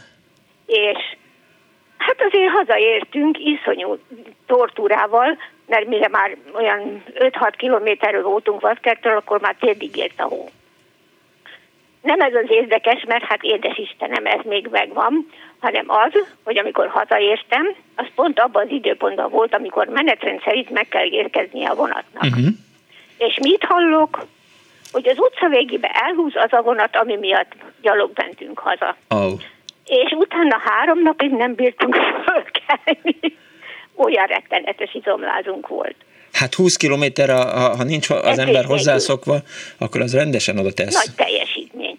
De Igen. mondom, hogy lelkesen vállalta mindenki, fiúk, lányok, mindenki. A másik az a, már a 60-as évek közepen, uh-huh. akkor már dolgoztam, és szóltak Kalocsáról, hogy le kellene menni egy sérült katonáért. Aha. Úgyhogy jött az OMS, kollégából beültünk, és mondták, hogy, hogy ez kétesélyes, mert hogy nagyon ronda idő lesz. Uh-huh. Tényleg az is lett. Borzasztó hóesés, úttalan utak, leértünk, befelvettük a beteget, az alakulat utászokat adott mellénk ásóval, hogy kiássanak bennünket, ha kell a hóból. Aha. Egy darabig elkísértek, aztán onnan ők visszamentek. Az OMS nem, kocsia árokba, nem borultunk árokba, mert akkor a hó volt, csak marha nehezen húzott ki valaki traktorral bennünket. Úgyhogy elég az hozzá, hogy reggel hat, de hétkor indultunk, hét fél nyolckor indultunk a kórházból. Lent voltunk délre Kalocsán, és éjfélre értünk vissza, majdnem megfagyva. No, ez, ez elég borzasztó emlék volt. Aztán a 87-es az már, az már gyerekjáték volt az előzőekhez képest. Hát igen, Akkor mert... már itt laktam a hegyen, Aha. és nem volt közlekedés, és borzasztóan élveztem, hogy csend van, nyugalom, és esik a hó. Aztán azóta, azóta is várjuk, hogy, tél legyen egyszer télen. Hát, igen, de mekkora tél legyen? Olyan közepes. Lehet választani, tehát olyan 10-15 centis hó, azzal Igen, már így amit még el tud az ember ilyen öregen is, mert ebből ki lehet számítani, hogy én már nem vagyok nagyon fiatal. Igen. Igen. És olyan akkora, hogy még én el tudjam Igen, hiszen, hiszen az első történet 1950-es évek, tehát 50-es évek elején, nem tudom, hogy 52-53 tanévben, vagy 53-54-ben. Igen, igen, igen, igen, összeraktam. A, a, gimnázium első vagy második osztályában a, volt. A kedves hallgató a te korodat. igen, csak mondom, amikor hallottam előzetesben, hogy mi lesz a műsor, eszembe jutott ez a történet, tehát azóta is emlegetjük azokkal, akik még... Nagyon jó, hogy elmondtad nekünk is, ez elmondta nekünk köszönöm, is. Köszönöm, hogy meghallgat. Kész csók, viszont hallásra. Viszont hallásra. Kedves Miklós, írja egy hallgató SMS-ben, a harangszó hirtelen várható veszélyre eh, hívta fel a figyelmét az embereknek tűzvihar, esetén ilyenkor a harangnak hangja is más volt, ebből jöttek rá a földeken dolgozók, hogy fedezékbe vonuljanak, vagy tüzet kell oltani mindenkinek. Üdv Zsóka! Igen, azt gondolom, hát ugye persze másnap mély szendergésből félrevert harangzúgása vert fel, de hát, hogy, és akkor, amikor a harangozó felmenővel, apukával, tehát a Pap János nevű harangozó lányával beszélgettem, akkor mondani is akartam ezt a, ezt a félrevert harangot. Persze ezt, ezt tudjuk, hogy, hogy ha menekülni kellett, vagy, vagy valami nagy gáz volt, akkor, akkor félreverték a, a harangokat. Tehát, hogy a harangnak csak az egyik, tehát nem bim bam volt, hanem bim bim bim bim, vagy bam bam bam. Hát attól függ, hogy, hogy majd ezt Dani mindjárt. Dani, ez nem volt vicces, ne haragudj. Ez nem volt vicces. Vége van a, a vicceskedésnek, a mű, meghagyjuk más műsoroknak. Köszönöm szépen, aranyos vagy. Egy betelefonál vonal túlsó, jó napot kívánok! Jó napot kívánok, Péter vagyok. Én 1984 vagy 85-re emlékszem, de ez a te hazai pályát, mert én Budapestről mentem dolgozni Szenteste, Aha. és vagy február vagy márciusban arra emlékszem, hogy a tévében én ott ragadtam Szentesen a szállodában, nem tudtam visszajönni Pestre. Hotel Petőfi? De, Hotel Petőfi? Igen, igen, ott ragadtam, és akkor vagy a Csernyenko, vagy az Andropovnak volt akkor a halála, és akkor e, nem tudom pontosan, de az egész nap a tévében az ment, Aha. és aztán ez nem tudom, 84 volt, vagy 85 az emlékeim szerint. Hát szerintem 80, 84, de hát abban a, abban a pár évben ott hullottak az orosz pártfő titkárok, tehát Hát de komolyan, Na jó. tehát, hogy, hogy meghalt Brezsnyev, utána e, e, jött egy másik, hát a, emlékszem az irodalmi újságnak ez a klasszikus e, címlapsztoria volt, hogy mit tudom én, meghalt megint egy pártfő titkár, akin mit tudom én, hat hónapig állt, ült, de leginkább feküdt a Szovjetunió kommunista pártja élén. E, sose felejtem. Igen, e, igen, ez tényleg így volt. Most szóval úgy volt, hogy elindultam Pestről, aztán Kiskunfél egyházán kanyarodtam Csongár felé, és már Gátérnél jártam, amikor elkezdett szavazni. Aha. Aztán késő két délután volt, amikor kijöttem, mert a kórházból befejeztem a munkát, de már, már nem tudtam visszajönni, aztán uh-huh. még szerencse volt, hogy ott abban a szállodában egy éjszakát meg tudtam aludni, de amit hallottam, akkor a katonák is mentettek ki embereket a hóból. Ja, akkor ez ment, akkor még ráadásul két laktanyája is volt, az Alka Máté, meg az Esze Tamás laktanyája volt Szentesnek, volt egy, egy harckocsizó, meg volt egy, egy, egy másik laktanya Igen, a beér, ahogy beér, Szentes előtte volt egy laktanya. Attól függ, hogy merről érkezel, tehát hogyha ha Csongrád felől érkezel, akkor, a, akkor az Esze Tamás, ha Félegyháza vagy Hud hódmezővásárhely felől érkezel, akkor eh, nem Félegyháza, bocsánat, eh, ha hódmezővásárhely, Márté, eh, Orosháza felől, akkor meg az Esze Tamás laktanya volt. Mm. Na, szóval akkor ragadtam, aztán másnap ugye ilyen hófalak között kijutottam, visszajutottam Kiskunfélegyházával, de ott már nyoma nem volt a hónak, egy szemhó se volt, aztán úgy... És így nem is értették, hogy miről beszélsz? Nem, nem, nem. Elhiszem. E, úgyhogy ez volt az egyik, Aha. a másik pedig 2000, szerintem 2010-ben volt, vagy amikor mentünk volna Berlinbe a feleségemmel repülővel, uh-huh. és akkor volt ez a nagy vulkán kitörés Izlandon. Igen, az összes akkor, európai légijáratot egy kicsit igen, leállították, mert hogy akkor volt a... a igen, a, igen, aztán a bőven hazajöttünk, uh-huh. mert nem ment a repülő, aztán visszatérítették a, az árát, az a igen. repjegyet, és a szállás meg le volt foglalva, de valamikor azt hiszem utána, vagy következő évben vagy valamikor már aztán vonattal mentünk inkább Berlinbe, de az, az, az a szálloda ingyen adta a szállást, uh-huh. mert hogy ezt nem tudtuk kihasználni. Igen, ez egy ilyen példaértékű, tehát a természet közbeszólt az egész program, tervezett programnak. Igen, igen, úgyhogy ez, ezt a kettőt úgyhogy köszönöm szépen. Köszönöm szépen, viszont hallás a szervusz! Viszont hallás!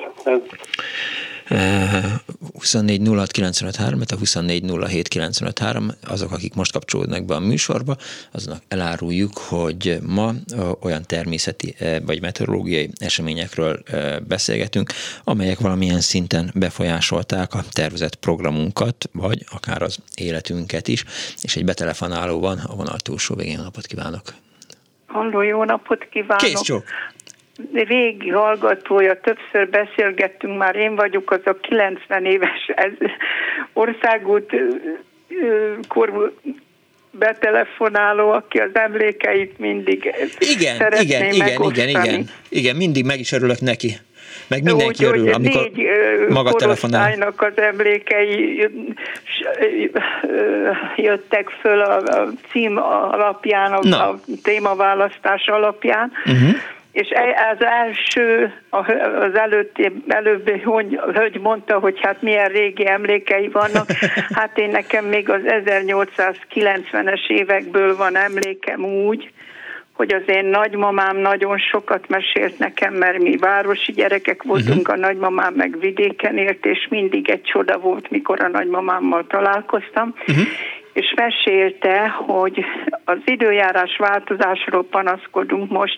Ak- akkor mesélte a nagymamám, hogy voltak a 1890-es években olyan nyarak, hogy a férfiak bekecsbe arattak. Lehet, hogy sokan azt se tudják, hogy mi az az aratás. Mi, meg, hogy de mi az a, a gabonát azt ö, férfiak ö, kaszával Igen. vágták le, és az asszonyok markot szedtek. Igen elnézést, hogy de sok, gondolom azért sok fiatal hallgatójuk is van. Biztos, Na most mesélte a nagymamám, mondom. hogy voltak olyan ja. nyarak, amikor uh-huh. ugye június, júliusban volt az aratás, hogy olyan ö, hidegek voltak, hogy bekecsbe arattak, még a kezük is fájt vázott. Na most mit csinál ilyenkor az ember? Ugye megmelegíti magát, de hogyan melegíti meg, mivel a munka nem melegítette meg, eléggé pálinkáti volt. Igen és mesélte a nagymamám, hogy olyan vidám aratások, mint amikor ezek a hideg idők voltak, aratások voltak, soha nem volt a vidéken. Alföldön laktak. Igen. Ez a legelső, legelső dolog, ami, ami e- eszembe jutott. Aztán anyukám, aki 1909-ben született, mesélte, hogy voltak olyan ö, tavaszi idők, mikor március 15-ére az iskolai ünnepére a gyerekek mezitláb mentek, igen. mert olyan meleg volt. Ők az Alföldön laktak. Igen, igen, igen. Aztán az anyósom mesélte, hogy a férjem 1930-ban született februárban, uh-huh. Sopronba laktak és a földszintes házba laktak, és akkora hó volt, hogy a, amikor ő feldobálták, ugye a, a járdáról le, le tisztították a havat, akkor a kupac volt, hogy nem lehetett a másik oldalra ellátni, embernél magasabb volt a hó, hó igen. falak voltak az utcán. Ez 1950-ben volt. Aztán egy nagyon kedves emlékem 1951. december 8 délelőtti órán, ez nagyon emlékezetes volt, mert akkor volt az esküvőnk, és a férjem és a szüleit vártam, leendő férjem és szüleit vártam, és olyan meleg volt, nem csak nekem volt a szerelemtől melegem, uh-huh. hanem más, őnekik is, mert jöttek a vonattól, eléjük mentem több utca rész után, és hát én rajtam egy pulóver volt, az ő kabátjuk pedig a karjukon volt, és úgy jöttek gyönyörű napsütéses ragyagul nap volt, úgyhogy azt mondták, hogy nekem nagyon boldog házas életem lesz. Hát 63 évig tényleg boldogan éltünk a férjemmel, sajnos már ez elmúlt. Aztán még egy emlék, az a, ez a fiam születése 1953. januárban olyan nagy, ö, nagy havak, hidegek, és ilyen ö, hófúvások voltak, hogy a közlekedés bizony nagyon sokszor megakadt, komoly gondok voltak a, a közlekedéssel. Úgyhogy ez a változó idő ez nem csak most robbant ránk, hanem ez bizony már az előző elődeink életében is sok, sok keserűséget vagy örömet okozta. Persze, képzelje el, hogy eh, ugye Kardos Józsi mindig küld nekem cikkeket, és elküldött egy 1965. június másodika szerdai Zalai hírlapot. És ez a Zalai hírlap arról ír, hogy házakat, vasúti pályatestet rongált meg, hidat sodort el a hétfői felhőszakadás. Méteres víz ront a földeken. Tehát az egész eh, lap címlapján ilyen, eh, ilyen katasztrófa beszámolóban. És ugye június második az az én születésnapom, majd jól rá fog kérdezni anyámtól, hogy hát nyilván Ugye? legkisebb gondja és nagyobb volt június másodikán, bár 19 óra 10 perckor születtem, úgyhogy azért még olvashatta volna azzal a hírlapot, ha nem Csongrád megyében laktunk volna. Mindez ez egy mellékszál, de majd megkérdezem, hogy ő emlékszik arra, hogy azon a napon, amikor a kis Punksnodet született, akkor előző nap mekkora nagy vihar volt Zala megyében. Csak ez így eszembe jutott ugye, hogy esők, hófúvások, meg hideg, Igen. valahogy az emlékeinkből törlődnek ezek az, az, ezek az emlékek, hogy bizony voltak nagyon forró nyarak, voltuk, volt, amikor augusztusban Balaton mellett, Kaposváról laktunk, Balaton mellett elmentünk, akkor vettük ki a szabadságot, és haza kellett menni meleg ruháért, meg kabátért, meg, meg, meg harisnyáért, mert olyan hideg nyarak voltak. Augusztusban mindig egy, bejön az eső, egy kicsit hűvös különösen. Még egy emlékem, ami Balatonról hirtelen Igen. eszembe jutott, hogy hogy az Pestről indultunk, most már nem tudom, mert öreg vagyok és felejtek, hogy, hogy a 60-as vagy a 70-es években azt tudom, hogy hát akkor még nagyon kevés kocsi volt, autó volt, és nekünk egy Warburgunk, egy gyönyörű uh-huh. Warburgunk volt, és Pesről elindultunk Kaposvárra, Hát téli idő volt, úgyhogy nem volt nagyon barátságos, de barátságtalan egy hétköznapi időnek tűnt és eljutottunk a, nem tudom, a Balaton és Kaposvár között volt ott egy ilyen dombon egy ilyen étterem, és ott megálltunk, hogy megebédelünk. Bementünk az étterembe, nagyon finomat ebédeltünk, és ahogy ott ültünk, láttuk, hogy egyre jobban a szakad, szakad a hó, esik az eső, havas eső. Hát egy kicsit rettegtünk, hogy most milyen idő, de hát még most kezdődött, gondoltuk az idő. Mikor vége volt a ebédünknek, kisétáltunk, és hát azt láttuk, hogy tiszta jég, korcsolya, fája az egész, ja. és ott a kapos, a, a dombon volt ez az étterem, kicsit lejtőbe kellett menni. Hát most mit csináljunk? Warburg, ugye nem, nem ezek a modern ma, mai kocsik voltak, férjem ott danakodott, aztán de hát mi haza, haza kell indulnunk, és beültünk a kocsiba, mondanom se kell, hogy egy pár méter után belecsúsztunk egy alacsony kis árokba, uh-huh. és hát ott kétségbeesve néztünk, hát akkor még nem volt ilyen forgalom se, se a Balatonon, se egész Magyarországon. És ahogy ültünk a kétségbe, hogy hát én ki nem tudom tolni ugye ezt a kocsit, és akkor megjelent a, a, a szembe velünk, jött fölfele nagy erőködve egy nem Trabant, nem tudom, a, a férfiak jobban emlékeznek rá, hogy mi volt abban az időben, az, valami kis lengyel kocsi, de egész hasonló kis kicsi kocsi volt a, az autó, ami, ami jött velünk szembe, és hát meglátták, hogy ott vagyunk az árokba, és megállt, megállt a sofőr, és kiszállt belőle egy fiatal ember, aztán még egy, aztán még egy, azt képzelje, hat ember szállt ki abból a picike kis kocsiból, mint fiatalok voltak. Aha. És hát látták ott a kétségbeesési helyzetünket, mondták, hogy nem kell ba, ö, kétségbeesni. Megfogták az autót, kiemelték a ö, árokból, rátették az útra, és nagyon barátságosan, nagyon kedvesen, vidáman elköszöntek, és hát mi boldogan hazaértünk minden baj nélkül a Kaposvára.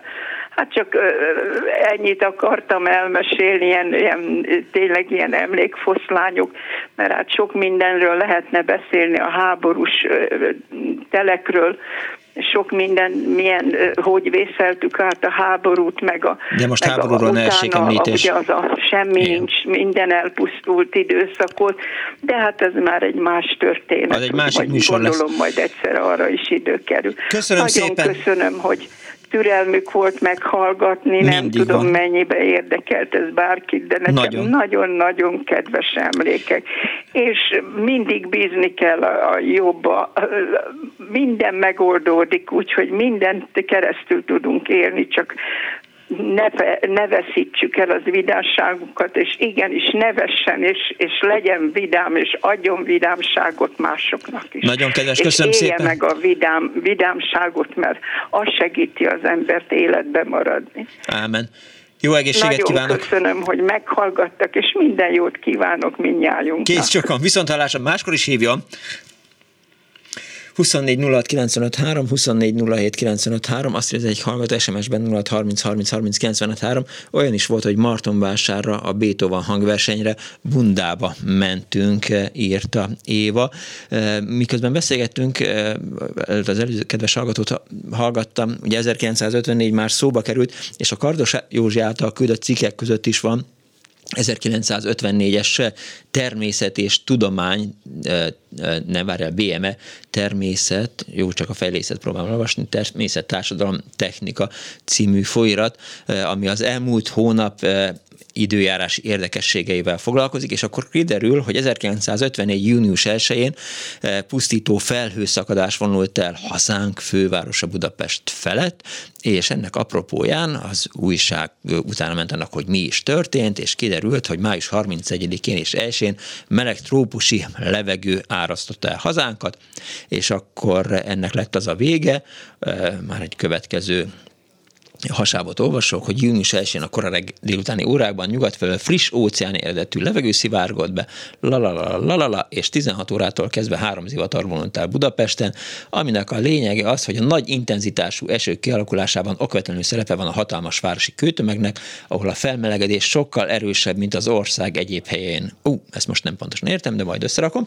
A Szabadsághegy és a Rózsadam felett a felhőszakadás középpontja a Szabadsághegy és a Rózsadam felett alakult ki írtózatos vízmennyiség zúdult le rövid fél óra alatt a hegyekről. A fővárosi csatorna hálózat a budai kerületekben nem volt képes befogadni ezt a nagy mennyiségű vizet, és a Szabadsághegy, valamint a Rózsadomb alján lévő utcarészek néhány perc alatt tengerré változtak, helyenként fél méter magasságú áradat hömpölygött az utcákon és aztán egy keretesben, hát nem keretesnek hívták akkor még, de egy másik cikk ott van mellette, milyen hideg és milyen meleg lehet júliusban, és akkor visszament az újságíró a, különböző hőmérsékleti rekordoknak, hogy 30, hogy a legmagasabb júliusi hőmérsékletet 39 fokot másfél méter magasságban azt 1928. július 17-én mérték, a legalacsonyabb júliusi értéket 1898. július 22-én észlelték 7 Celsius fokot.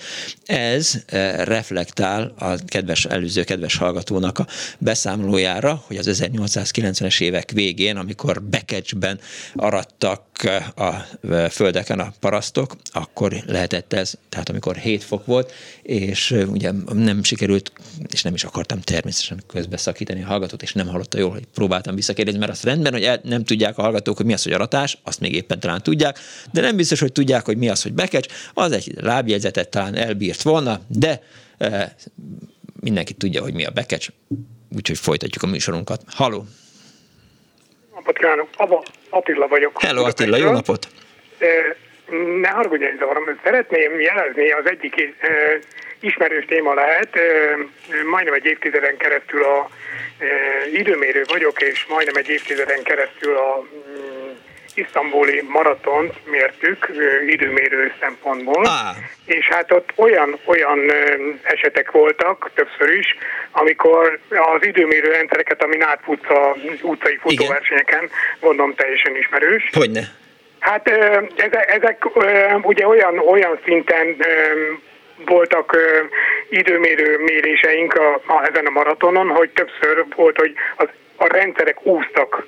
Tehát, ö, tehát ugye ez, ezek le vannak fektetve Igen. az útra, Olyan, egy ismered a szőnyeget, Igen. mellette a, a úgymond az ipari számítógépeket, és ezek konkrétan úztak, tehát el, tehát el tudja képzelni az ember, hogy, hogy egy budapesti utcai futóversenyen mekkora erejű és víz van, hogyha ezek a rendszerek tudnak úszni. Hát az egyik ez volt. A másik pedig egy Európa bajnokságot mértünk Bulgáriába, uh-huh. egy hegyi futó Európa bajnokságot, és hát ilyen jó kis 30-35 fok volt, de ilyen 2600 méter magasságba mértünk ugye, és én felmentem egy szál, úgy szokták, ahogy szokták mondani, egy szálinkbe, meg egy gatyába, uh-huh. mert olyan jó idő volt, és ugye gondolával felmentem erre a 2650 méterre, és ugye, tehát olyan, olyan idő volt, ugye, hogy még, még ezen a harm, ezen a magasságon is, hogy egy szál és gatya elég volt. Hát aztán körülbelül két perc alatt lecsapott a vihar. Uh-huh. Ugye mi a gondolába, ugye mert a, a Lanovkát gondolának nevezik, és akkor én folyamatosan ugye mentem felfele, azaz jöttem lefele már, és ekkor csapott le a vihar. És ugye, ahogy kell és illik, leálltak a gondolák, szépen függtünk a, a kötélpályán, hát úgy, úgy járt a gondola, mint az a bizonyos. úgyhogy, úgyhogy én nem estem kétségbe igazából, de, de jó fél órán keresztül rángatta a gondolát, és úgy álltunk, tehát, tehát nem mehetett sehova. Attól rosszul vagyok, hogy meséled. Majd egy jó fél óra múlva, amikor már csendesedett a vihar, akkor, akkor szépen becsörlőztek 1500 200 valahány méterre, és ott is még várni kellett majdnem fél órát, mire, mire teljesen lecsendesedett a vihar, és mire visszaértem a szállóba, a hotelba, a sportolók mondták, hogy hát már nagyon kerestek, hmm. meg szóltak le nekik a, ugye, a pihentető pályáról, hogy van egy kollégájuk itt fenn a gondolán, és, és ugye, hogy be kellett vontatni a pályáról, majd majd, de olyan szinten, hogy az egész Európa bajnokságnak a mezőnye az nem volt a hotelban, a hotel az teljesen leámt, leáramtalanítódott, és hm. majd majdnem fél órán keresztül ilyen agregátorról ment az egész hotelnak a áramellátása, úgyhogy hát ilyenkor mondta az egyik holdfőnököm, hogy, hogy kisfiam, mindegy, hogy, hogy milyen idő van, tél vagy nyár, kabát, téli kabát mindig legyen nálad, és itt, itt most kapásból tényleg el kellett volna, hogy, hogy egy perc alatt szinte olyan vihar támadt itt a, a hegyekbe, uh-huh. ugye 2650 méteren voltunk, hogy, hogy azt mondtam, hogy na hát itt ez, ez, és mondom, tehát nem estem kétségbe, mert ugye miért estem volna, amikor úgy is tudtam, hogy ez, ez lefele, lefele tud egyszerre csak menni, úgyhogy, úgyhogy szépen levontattak, úgyhogy egy, egy ilyen nagyon kemény volt ezen az Európa-bajnokságon, és a, a, a, a vezetők, a török vezetők kerestek is, hogy, hogy, hogy hát Attila mindenki érted aggódott. Akkor biztos volt a pálya, pályafutásodban, vagy a múltadban olyan sportesemény, amit gyakorlatilag keresztbe vert az időjárás? Minden, igen.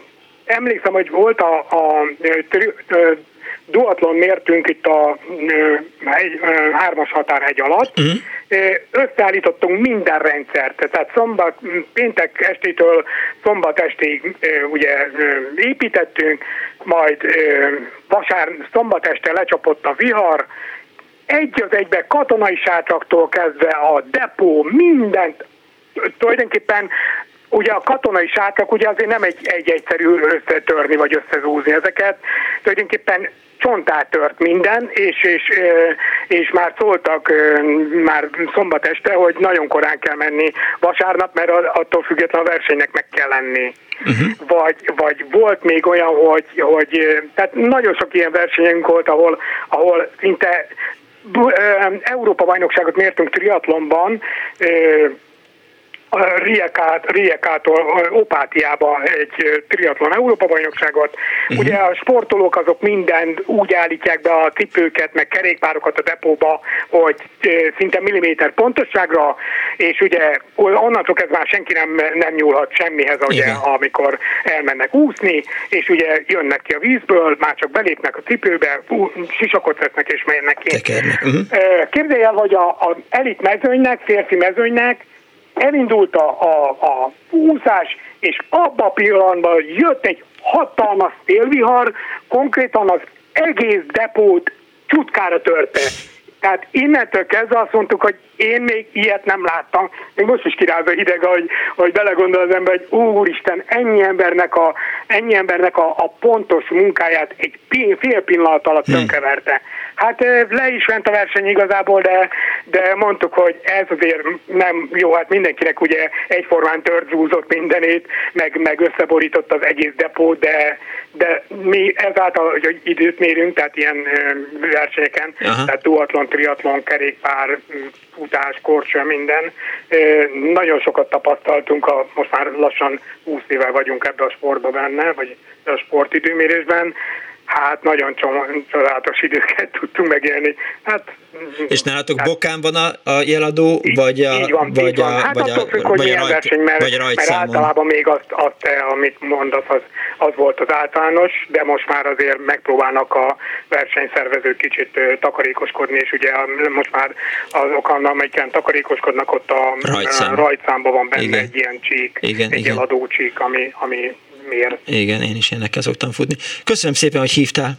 Nagyon szívesen jó egészséget Viszont hallásra, szervusz. További szép napot. Azt írja Robi, és egyetértek vele, az iménti néni beragyogta a mai napot. Én mindig nagyon szeretem hallgatni, amikor ő telefonál.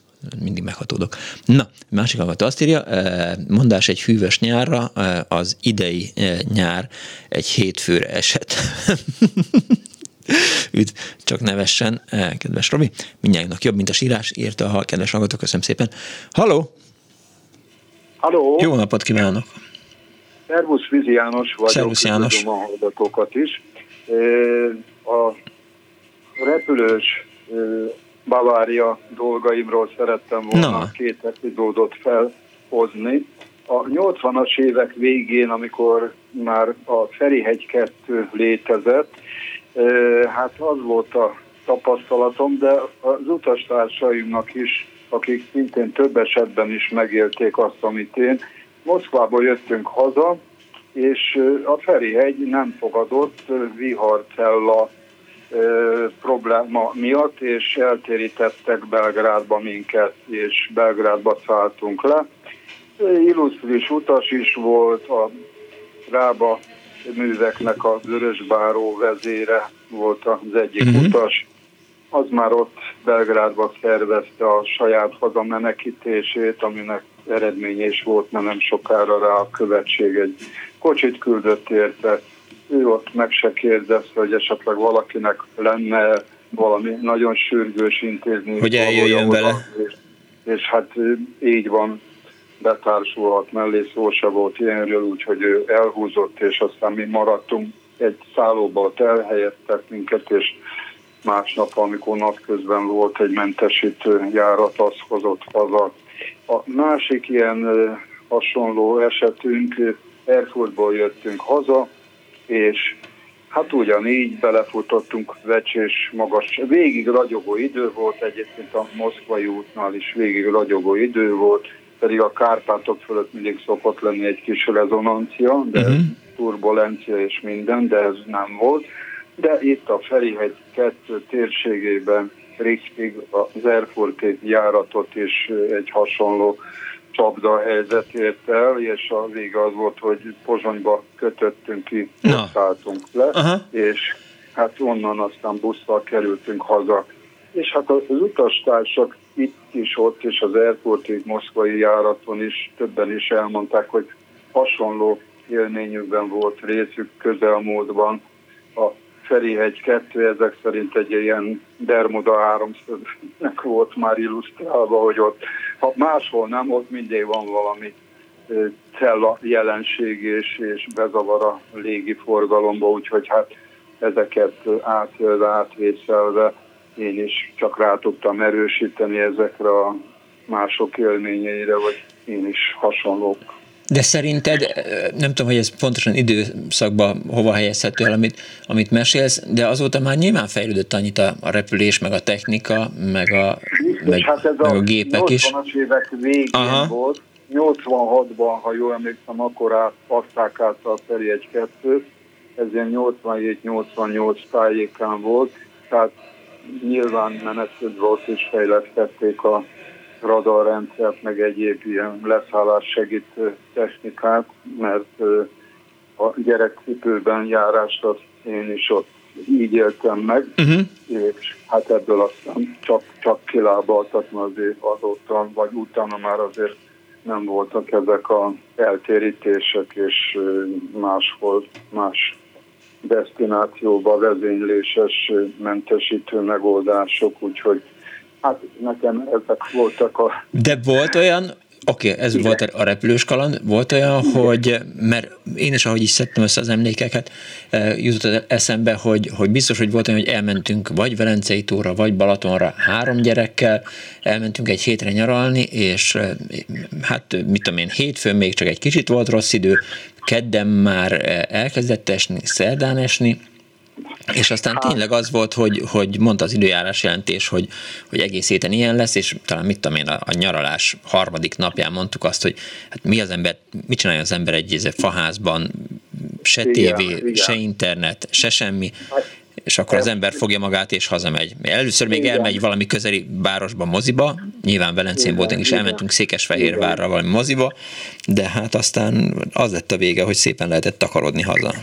Igen, hát ilyeneket megéltünk mi is, sorozatosan is, ha úgy tetszik. Uh-huh. Balaton Szabadiba jártunk, ott volt apám munkahelyének egy vállalati kis üdül, tele, telke volt, még nem volt rajta épület, ott lehetett sátrat verni, és hát ott azért egyszer-kétszer elkapott rendesen minket ilyen nyári vihar, úgyhogy a sátorba úszott minden, és aztán pár nap után, mire kiszáradt volna minden, addigra újból itt volt egy újabb zuharé, és hát mi is rövidítettük az ott létünket. Akkor még nem volt ez a betonszegé, homokos part volt, fenyves erdő hát, volt, igen. tehát idilli volt még akkor a Balatonpart. Hát az idők időnként megzavarta az időjárás ja. készségtelen, úgyhogy mi is jártunk úgy, hogy bizony-bizony ott be kellett kéreckednünk egy szomszéd épület yeah. vállalati ügyülőbe, hogy ott szállítkozzunk meg egy kicsit. Köszönöm szépen, Jani, hogy hívtál. Köszönöm. Köszi, viszont hálásra, szervusz. Minden jót, Egy hallgató van a vonal, túlsó napot kívánok. Halló, szervusz, megint Tóth Gábor. Na, szép. Kett, műsort. Kettőt mert... ígértél, de mindegy, le, le, lehet Tessék? három. Kettőt ígértél, kettőt mondtál, de lehet három, tehát ez nem az a műsor, Igen, ahol egy kör, egy menet. a szerkesztőt, hogy nagyon-nagyon kevesen, vagy, vagy talán senki nem emlékezett meg a 2006-os augusztus 10-ai viharról, ami volt fönt a várba. Attól félek nem fönn a várba, hanem az egész városban egész, volt az. Igen, igen, igen, csak én pont fönt voltam a várba, akkor kézes barátokkal. Mert az szerintem trauma volt azon gondolkodtam, hogy, hogy az annyira traumatizált, tehát, hogy az valamiért azt gondolom, és nem véletlen, hogy, hogy nem került szóba. Ugye a Huan beleírta az ajánlóba azt az augusztus 20-át, meg beleírta persze a, a 2000, nem tudom hány, március 15-én. 2006-ban és 2007-ben ugyanúgy augusztus 20-án megint lecsapott, mondjuk az már a 2007 Igen. kisebb volt.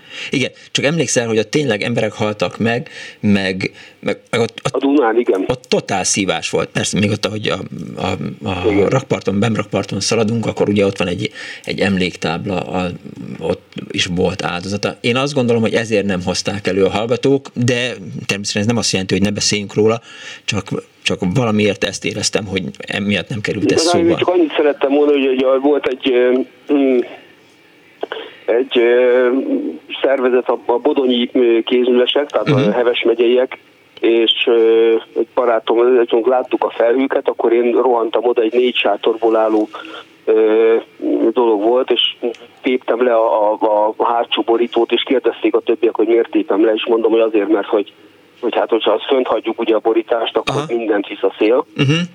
És na, az utolsó pillanatban sikerült leszedegetni, de még így is, hogy az egyik barátomnak a, volt egy ilyen tányéráványa, az utolsó pillanatban lesz, lesz tudtuk szedni a utolsó tányért a tányéráványra. Abban a pillanatban borult föl. Hogy valahány méterre eldobta, mi meg kapaszkodtunk a, a sátorban, mi már ugye hátul, hátulja nem volt a sátor, a tetején még volt, és fölemelt minket egy-másfél méter magasra, és egy olyan négy-öt méterrel arrébb tett le az, minket a vihar. Az biztos, Tehát hogy halálfélelem volt, igen. igen.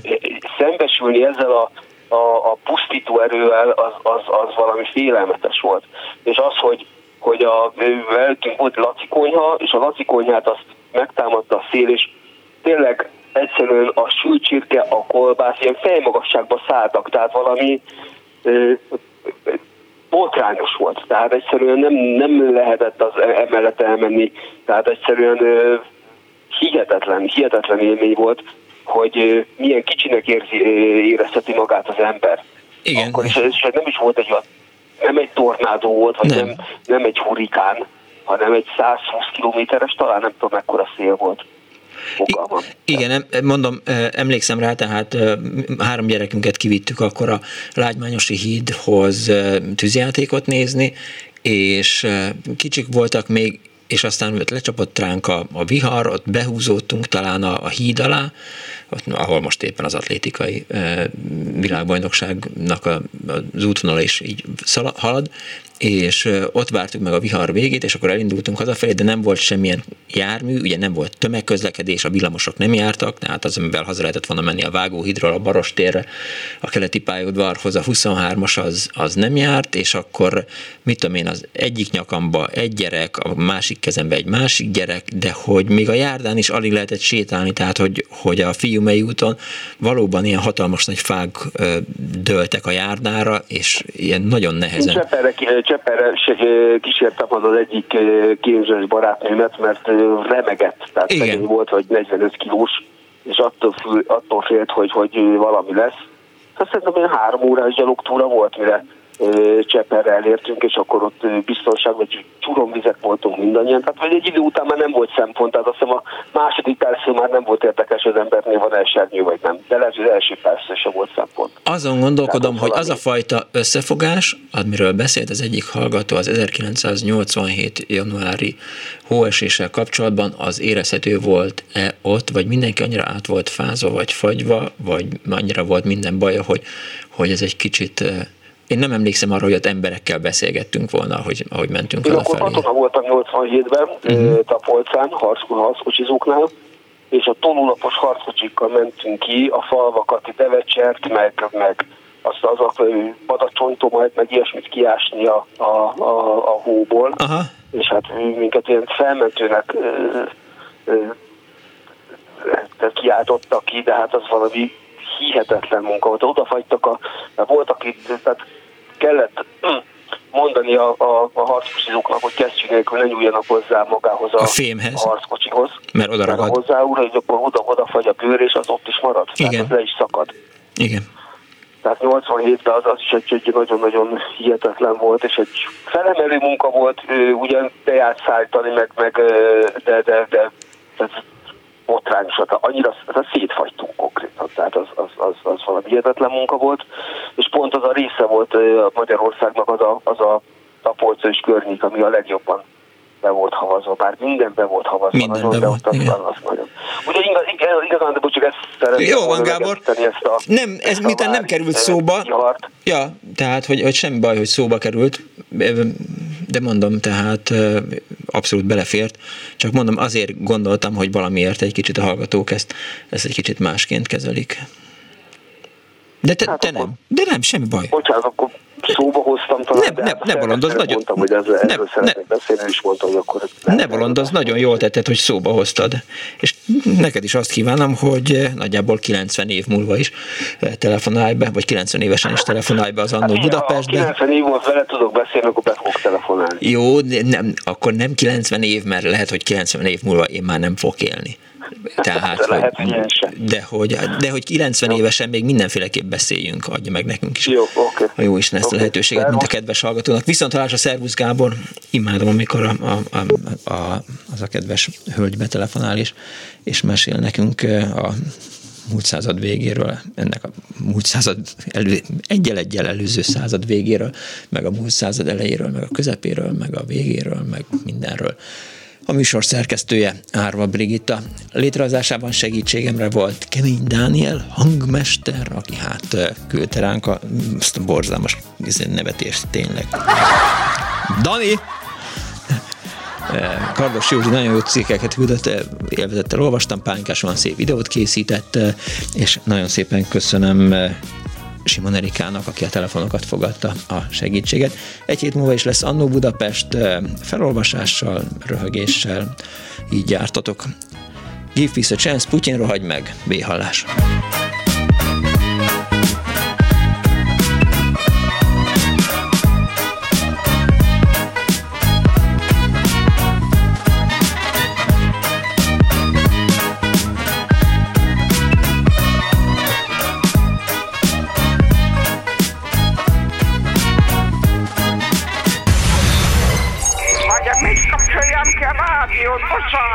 Igen, jaj. igen, igen. Elnézést. Jó napot kívánok.